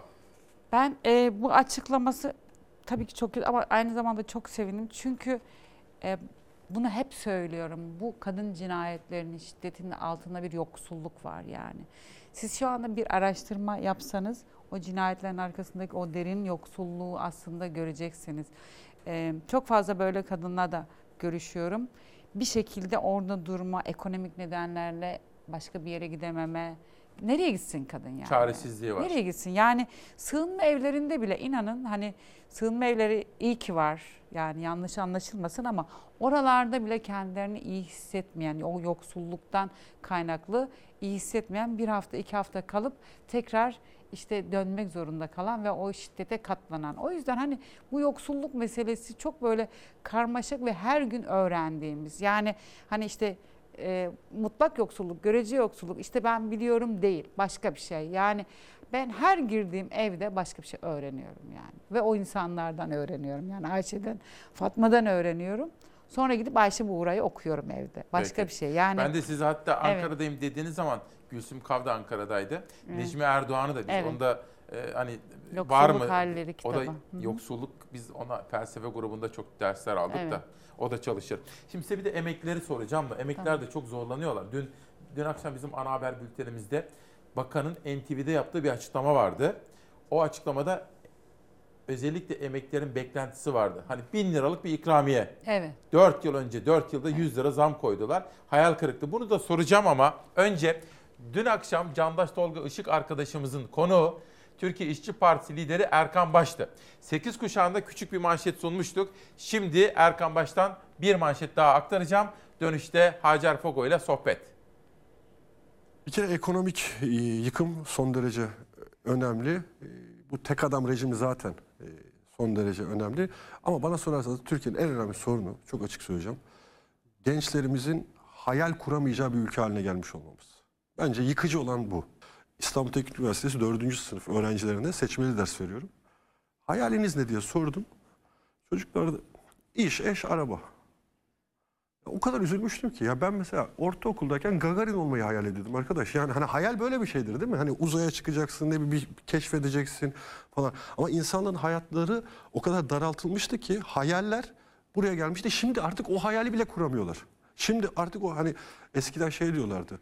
Büyüyünce ne olacaksın diye sorulurdu herkese. Şimdi çocuklara sorun büyüyünce ne olacağım diye Almanya'ya gideceğim diyor, Amerika'ya gideceğim diyor, Kanada'ya gideceğim diyor. Yani Türkiye'ye ilişkin hayaller kalmadı. Dolayısıyla Cumhurbaşkanlığı hükümet sistemi esas problemdir bugün Türkiye'de. Bunun yarattığı ekonomik yıkımın bütün yükünün emekçilere, yoksul halka ödetilmesi büyük bir vebaldir. Ve en önemlisi bu ülke gençliğini kaybetmek üzere. Ben esas olarak buralardan devam edebiliriz. Hep bizi birisinin kurtarmasını bekledik. Türkiye İşçi Partisi bu algıyı yıkmak için uğraşıyor. Yani bizi herhangi bir siyasi lider bir yerlerden gelecek bir kurtarıcı işte süpermen, süper kadın birisi gelecek ve bizi kurtaracak. Böyle bir şey yok. Bunu kim söylüyorsa yalan söylüyor. Bu düzeni değiştirmemiz lazım. Bu siyasi partiler düzenini değiştirmemiz lazım. Ve tırnak içinde kullanıyorum. Hani onlar öyle diyorlar. Sıradan insanın siyaset yapabileceği bir hale getirmemiz lazım. Dolayısıyla Türkiye İşçi Partisi'nin iktidara gelmesi demek aslında halkın iktidara gelmesi demek. işçilerin iktidara gelmesi demek. Orada da temel mesele nedir? Biz çok net ifade ediyorum. Planlı, kamucu, halkın çıkarlarını merkeze koyan bir ekonomik model geliştirdiğimiz anda ki bizim hani sosyalist ekonomik model dediğimiz şey esas olarak budur. Planlı, halkın ihtiyaçlarını gözeten e, bir ekonomik modeli ortaya koyduğumuz andan itibaren Türkiye dünyanın en zengin ülkelerinden bir tanesi. Kaynaklar açısından baktığımızda. Halkı çok çalışkan bir ülke bizim ülkemiz. Ben bazen şunu söylüyorum yani 20 yıldır Moğol istilasına uğramışız. Hala yıkılmadıysa bu ülke ne kadar güçlü kaynaklarımız olduğunu görüyoruz. Şimdi bu kaynaklar seferber edildiği anda Türkiye'nin ekonomik sorunlarının çözümü çok kolay. Ama e, bu mantığı değiştirmemiz lazım. Bir siyasi partiler mantığını değiştirmemiz lazım. İki ekonomik modeli tersine çevirmemiz lazım. Gençlere umut ve o umudun yaslandığı bir gelecek sunabilmemiz gerekir. Ama ömrünün en güzel bağrında emeklimiz nasıl yaşıyor? Efendim araştırmalar yapıyorsunuz. Emekli 2500 lira bilemedim 3000 lirayla Nasıl yaşıyor, nasıl Yaş- geçiniyor? yaşayamıyor yani. Nasıl yaşasın? Ee, en son İşkur'un Şubat ayı e, istatistiksi vardı. 50 yaş üstü 204.470 iş kişi iş kuyruğuna girdi. Bunlar 50 ve 65 yaş e, yaşında olan Kaç kişi? insanlar. 204.473 kişi. Yani geçen yıl 157 binken, geçen yıl Şubat ayında 157 binken şimdi e, 204 bin ne çıkmış düşünün. Yani ve iş kuyruklarında bekliyorlar, iş kurda bekliyorlar. Ne iş olsa yapmak istiyorlar. Geçen gün ben yine emekli bir çiftle konuştum. Dedi ki şey pazarı dolaşıyorduk abla ve bana abla diyorlar yani isterse 65 yaşında olsun. Ve hiçbir şey alamadan geri döndük dedi. Çünkü şey bir fuar alanını geziyormuşuz gibi geldi. Pazar ki yani özellikle yaşlıların işte akşam üzerleri gidip aslında bir taraftan da hani kendilerini iyi hissettikleri, baktıkları falan böyle bir şeydir pazar. Hani böyle ne bileyim huzurdur yani sizin de hoşunuza gider gezerken falan ve onların da yani şu anda gidemiyorlar insanlar ya bu yani işte da işte inşaatlarda çalışmaya başlamışlar. Emekli yani, olmasına rağmen. Evet evet yani hani buna Bodrum'da da Mersin'de de Van'da da rastladım özellikle Van'ın köylerinde. Neredeyse köy boşalmış yaşlılar gençler he- hepsi böyle Antalya, Alanya, İstanbul'da inşaat işlerinde ve çok fazla İstik Meclisi'ni de takip ettiğiniz zaman çok fazla iş cinayeti yani işte kazalar, ölümler, iş cinayetleri oluyor sakatlanıp dönüyorlar tekrar köylerine. Çünkü e, ne iş olsa yapıyorlar. Bildikleri ya da bilmedikleri Şöyle sorayım işler. size Hacer Ve Hanım. 12,5 milyonu da emeklilerin bo- şey e, kredi borçları var. Onu da ekleyeyim size. 12,5 milyon Evet. emeklinin Kredi borcu. bu Evet. rakamlar bunu söylüyor. Evet evet. Şimdi 2500 lira alıyor. 3000 lira alıyor diyelim. Evet. Nasıl yaşıyor? Yani Yaşayamıyor. Yani nasıl nasıl yaşa- yaşayabilir? Ya gerçekten kızına oğlu falan varsa birlikte yaşamaya başladılar insanlar ya da işte şimdi kirasını ödüyorsa gıdaya erişemiyor. Demin söyledim ya tek tip beslenme. Yani işte makarnayla. Yani artık köylerden de bir şey gelmediği için yani hani eskiden işte bulgur, pirinç falan gelirdi. O da yok yani işte yani çünkü köydeki insanların da durumu öyle. Komşulardan e, işte bir, bir şekilde e, dayanışmayla falan böyle yani sürekli ya da bakkala borçlanma. Mesela o mahallede eğer bir bakkal varsa e, bakkala borçlanma ve ay sonunda işte o aldığı parayı ona ödeme. Sürekli borçlu aslında yaşama. E, ya hani bir yani yazık yani bir hani huzur içinde oturması gerekiyor bu insanların. Öyle Çünkü değil mi? Hep söylüyorum ya. Evlerinde. Ömrünün en güzel baharı evet, artık o. Değil mi? Evet yani. Tasasız yaşayacak. Ee, mesela torunlarına bakanlar var. İşte üniversitede öğrenci olanlar var. Onlara böyle harçlık gönderememe, onlara bir şey alamama hissini taşıyorlar aynı zamanda yani. Hani o çocuk okutanlar da öyle. Öyle. Borçlu dediniz ya. Evet. Bir de ben çocukluğumdan itibaren en çok korktuğum, üzüldüğüm konulardan biridir icra meseleleri. Evet. Sizin paylaşımlarınızda onu da gördüm. Şöyle ben de e, eski ekonomi e, bakanının bir paylaşımıydı. Reddi miras yüzde 85'e ulaşmış. Bu yani hani ben size daha önceki programda da bahsetmiştim. Devreden yoksulluk. Neden? İşte anneden babadan çocuğa kalan yoksulluk. Aslında benim çok yoğun olarak çalıştığım işte 7 yaşındayken işte tanıdığım çocuğun bugün e, annesinden babasına o yoksulluğu miras alması. E, bu yeni bir şey gerçekten.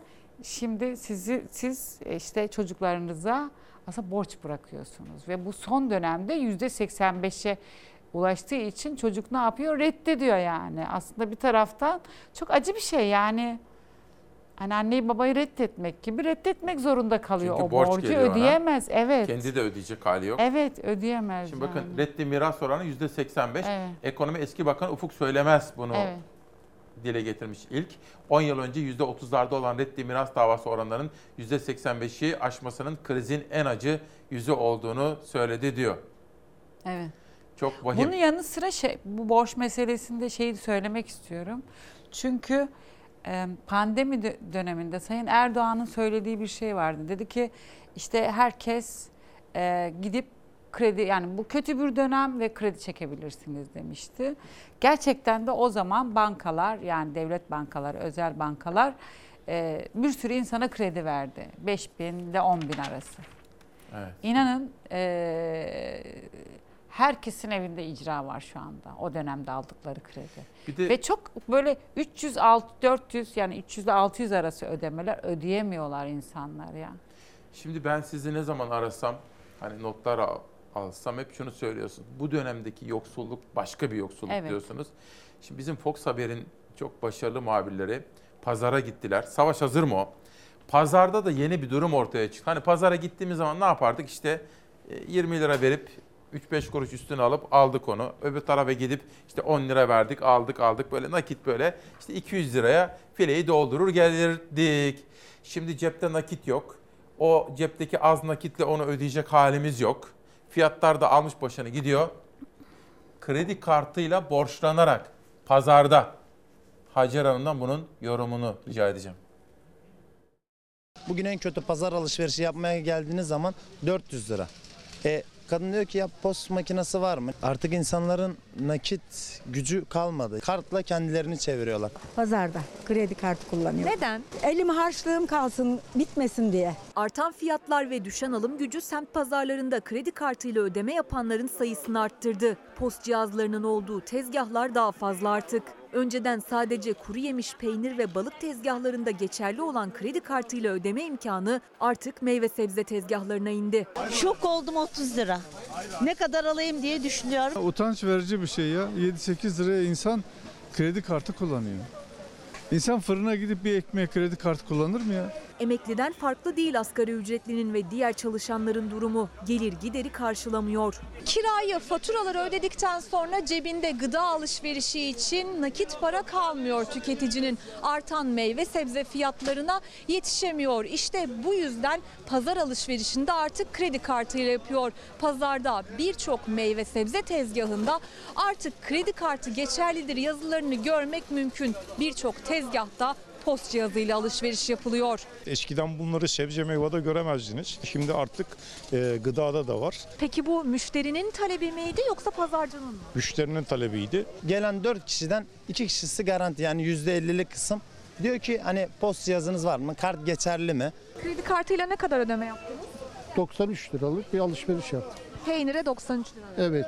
Ailesiyle birlikte bir haftada yiyeceği peynire 93 lira veren tüketici gıda alışverişinin tamamı için denkleştiremiyor gelirini. Zeytinin, yumurtanın hatta bir demet maydanozun bile ücreti artık karttan çekiliyor. Bir kilo peynir 60-70 milyon, bir, bir kilo tereyağı 80-90 milyon, bir koli yumurta 50 milyon. Yani hangi birine yetiştirecek? Bir haftalık düzgün alışveriş edecek olsa e, 700-800 lira bana verir haftalık. Asgari ücret bitti ondan sonra ne yapacak? Evi var, çoluğu var, çocuğu var, kirası var. Ya insanlarımızın durumu zor zor. Gerçekten alamıyorlar. Nakit yok cebimde. Cebimde 3 tane 4 tane kredi kartı var. Cebinde şimdi 100 lirayla pazara çıkmışsa nasıl alsın? Şam fıstığı 120 milyon. Çantasında o kadar para olmadığı için kredi kartı kullanmak zorunda kalıyorlar.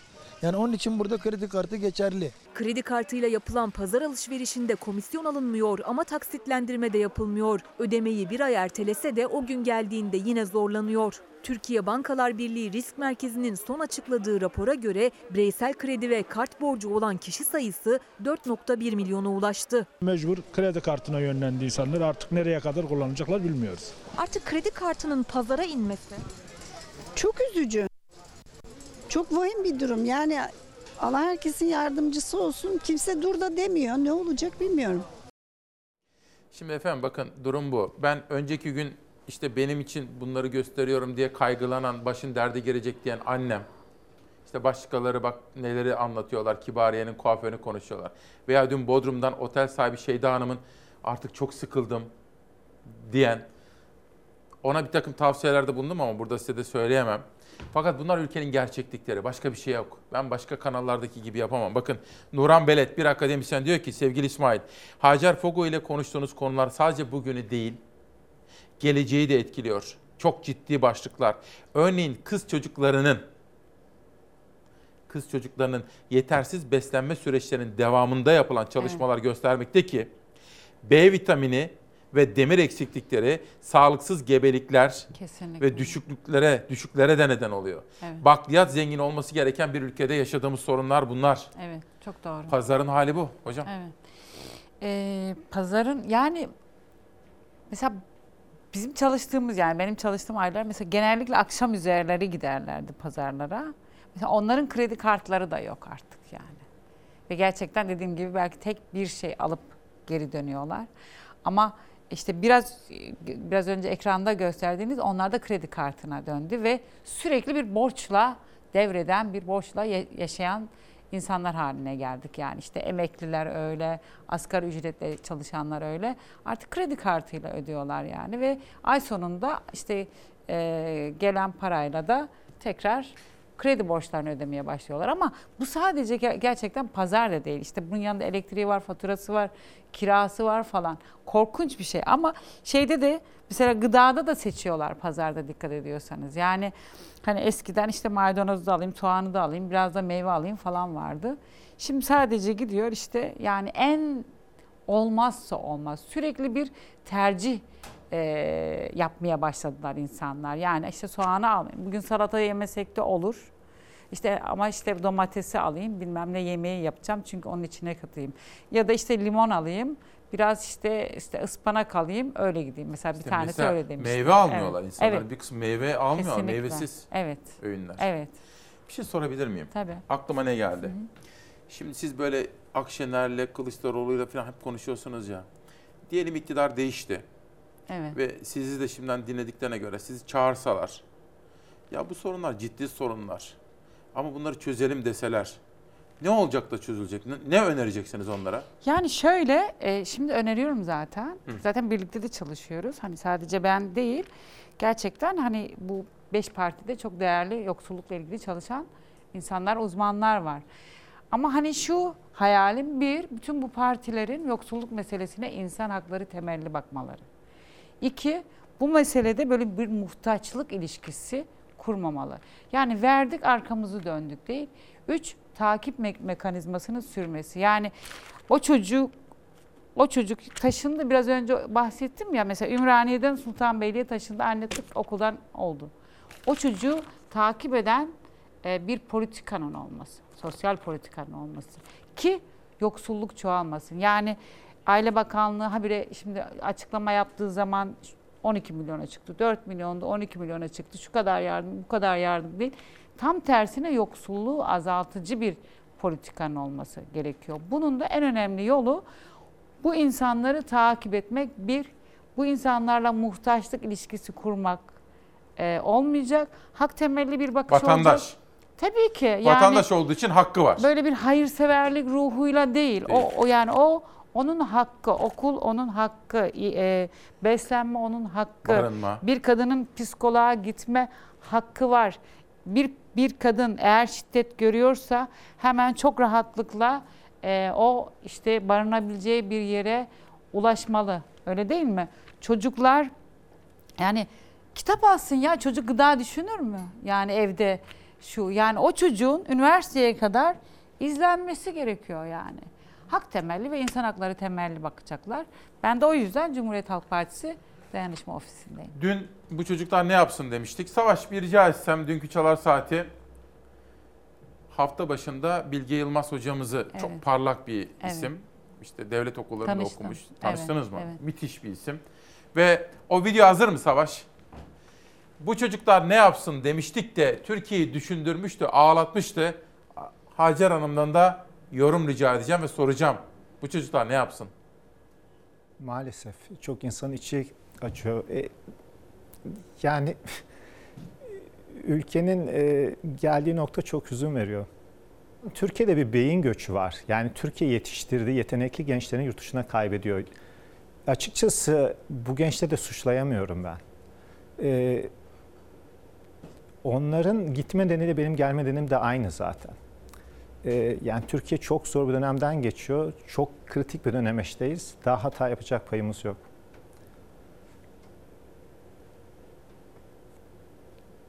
Yani e, bakın şimdi ülkede e, kusura bakmayın ben de duygulanıyorum insan e,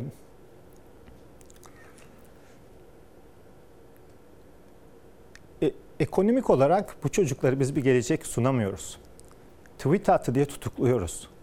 Ülkede özgürlükler yok. E bu çocuklar ne yapsın? E Şimdi bir de olayın ekonomik boyutuna bakalım. O biraz daha az duygusal. Ülkede liyakat yok. Devlet okul sistemi çökmüş. Eskiden yetenekli ama varlıklı olmayan çocukların bir yükselme modu vardı. O kalmamış. Yani zengin değilsiniz. Gideceğiniz okullar sınırlı size iyi eğitim veremiyor. Çok haksız bir rekabet var. Yükselemiyorsunuz. Yükselseniz bile mezun olduğunuzda liyakat önemli değil. Önünüz tıkanıyor. Türkiye'de e, ben de biraz sayılardan bahsedeyim. Açılayım yoksa insan duygulanıyor. E, burada milyonlarca kişinin de ağlamayayım ama size bir sayı örneği vereyim. Şimdi Türkiye'de e, medyan işçi ne kadar ücret kazanıyor? Bunlar yani serbest çalışmayan, maaşlı çalışan insanlar. Medyan ne demek? 101 kişiyi en çok kazanan, en alt kazana kadar dizerseniz 51. insan. Yani 50'si az kazanıyor, 50'si çok kazanıyor. Türkiye'de medyan ücret, kayıt dışıları sayarsanız asgari ücret. Yani 4253 lira ayda net kazan. Hacer Hanım bu çocuklar ne yapsın? Ee, bu çocuklar gerçekten çok mutsuz. Ben de böyle gençlerle bir araya geliyorum. Ee, bir kere üniversiteli öğrencilerle konuştuğum zaman şöyle mutsuz. Ee, zaten yoksulluk meselesi de biraz öyle. Yani hep böyle ebeveynle birlikte almalısınız yoksulluk meselesi. Çünkü çocuk mutsuzluğunun nedeni zaten o ebeveynin yoksulluğu, anne babanın yoksulluğu ile ilgili. Üniversite öğrencilerinde de onu hissettim. Yani başka bir şehirde okuyan çocuğa o anne babanın harçlık gönderememe, onların üzülmesi çocukta da yani kendisini yani ilkokulda da olsa, üniversitede olsa kendisini bir yük gibi hissediyor. Ve okul terk etmelerin en önemli nedeni de bu. Sanki aileye yükmüş gibi. Bu korkunç bir şey. Üniversitede şu anda bir araştırma yapılsın. TÜİK'e sesleniyoruz buradan. Ee, çok fazla kayıt donduran e, öğrenciler var. Öyle mi? Çok fazla. Ee, okulu bırakıp çalışmaya başlayan, okulu bırakıp memleketine dönen çok inanılmaz boyutlarda e, yani ben gittiğim her yerdeki üniversite öğrencileriyle konuşuyorum. Çok fazla yani. Ve e, aynı zamanda tabii üniversite sonrası çalışmak falan hani bunlar aslında doğal şeyler ama yetmiyor. Yetmiyor. Savaş, yani mesela Zeray'dan bir rica eder misin? Yarına buradan bir manşet yapalım gazete olarak. Bunu özellikle bakın bu daha hiç konuşmadığımız bir konuydu. Evet. Çocuk yoksulluğunu konuşuyorduk ama Evet. okulda kayıtlarını durduran. çok fazla var. Peki. Ee, işte inşaatlarda çalışanlar var okul şeyinde falan filan. Bir de gerçekten hani e, hani ben onca yıl yoksulluk çalışıyorum ama ben mesela daha enerjim. Böyle, böyle onlara böyle şey sarsasım geliyor çocuklara diyorum ki yani lütfen hani. Pes etmeyin. Evet. Devam, mücadele. Yani, evet yani o kadar umutsuzlar, o kadar işte gelecek kaygıları, şeyleri falan yok. Ya bu, bu ya bir de şey hani çocuk işte üniversiteye gidiyor falan yani işte dışarı çıkacak bir kafede oturacak. Oturamıyor. Gerçekten yani. Oturamıyor bir çay yani. kahve nasıl içecek? Evet içemiyor. Yani kız arkadaşıyla bir yere gidemiyor. Ne yapıyorsunuz diyorum. Diyor ki işte yani bir evde toplanıyoruz hepimiz. İşte Muhabbet çayımızı kahvemizi alıp orada e, yapıyoruz. Tabii bu da hoş bir şey ama zorunlu Peki olduğu dün- zaman değil. Dün Ankara'ya gittiniz. TEPAV'ın toplantısı Evet. vardı orada. Ayşe Buğra hocamızı da Evet. görmüşsünüz. Evet. Ne o onun gündemi neydi? Ne yaptınız orada? E, Merih Celosun'u anma günüydü. Her yıl yapılan bir e, toplantıymış. Bu senenin teması da yoksulluktu. Evet ve Ayşe Buğra hocayı orada gördüğüm için gerçekten e, çok e, mutlu oldum. Çünkü çok şey öğrendim e, kendisinin kitaplarından. E, ve orada da e, dinleme şansı elde ettim diyebilirim. Biz kendisini burada ağırlamıştık bir kere. Evet. Ee, değerli bir kadın, çok değerli Çok, bir akademisyen. çok, Müthiş kesinlikle. kitapları da olan. Evet. Burada bir kere ağırladık geçen yıl veya ondan önceki yılda Evet. ağırlamıştık. Son olarak ne söylemek istersiniz efendim? Ee, Ayşe Hoca bu tweette de aslında yazmıştım. Yani bu dönüşmeyen yoksulluk hikayesi, sosyal sözleşmenin yeniden yapılması. Ee, bütün bunlar aslında şu demek. e, dünya yoksulluğu farklı tartışıyor ama biz bir türlü e, tartışamıyoruz. Yeniden bu yoksulluğu masaya yatıracağız. Biraz önce aslında söylediğim gibi hak temelli bakmak, insan hakları temelli bakmak, yoksulluğun başka boyutlarını, kadın yoksulluğunu, çocuk yoksulluğunu, yaşlı yoksulluğunu, her bireyin ayrı ayrı yoksulluğunu almak onların mutsuzluğunu da ölçmek. Biraz önce söyledik ya o gençlerin hayalsizliğini de anlamak. Yoksulluk böyle bir şey. Yani e, onun hayal kuramaması aynı zamanda onda oluşan bir travma demektir. Yani çocuğun beslenme, siz okula gitmesi, utancını da anlayabilecek bir sosyal politikanın oluşturulması gerekiyor. Çok sağ olun. Ben İyi ki varsınız. ederim. Çok sağ olun. Her zaman burası size açık. Teşekkür ederim. Değerli izleyenler erken saatlerde biraz bahsetmiştim. Şimdi Ruken, Ruken Barış ve Esra, Esra Hanım soyadı da neydi? Esra Üstündağ. Onlar Hollanda'da, Amsterdam'da yaşayan iki kadın, iki sanatçı. Müzikle resmi birleştiriyorlar. Yeni bir takım denemeler yapıyorlar. Anadolu'daki mekanlardaki kuş figürleri üzerinden de bir takım önemli çalışmalar yapıyorlar. Sizlere iyi gelsin istiyorum efendim. Hazır mıyız? İzleyelim.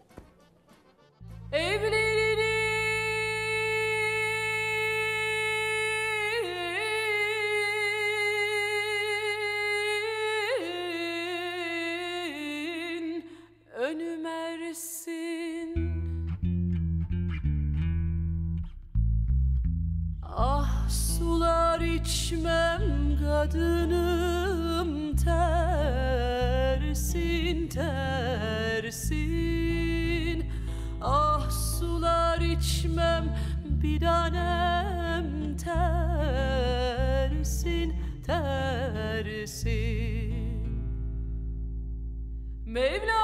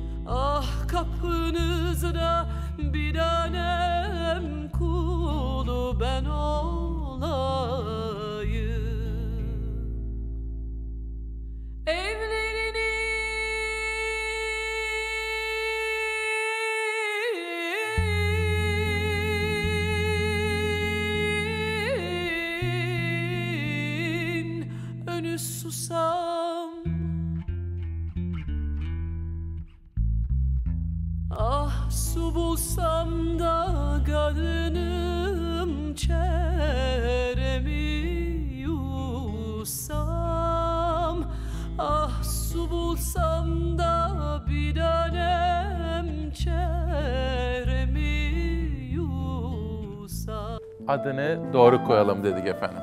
Adını doğru koyalım. Kocam katilim oldu. Aysun Delikanlıoğlu.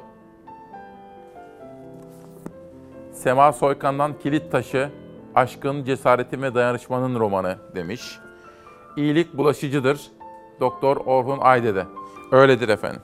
Ve her zaman iyiler kazanır er ya da geç. Elif Sofya şiiri. Şimdi saat kaç diye soracağım. Bir ağaç gövdesi büyütür.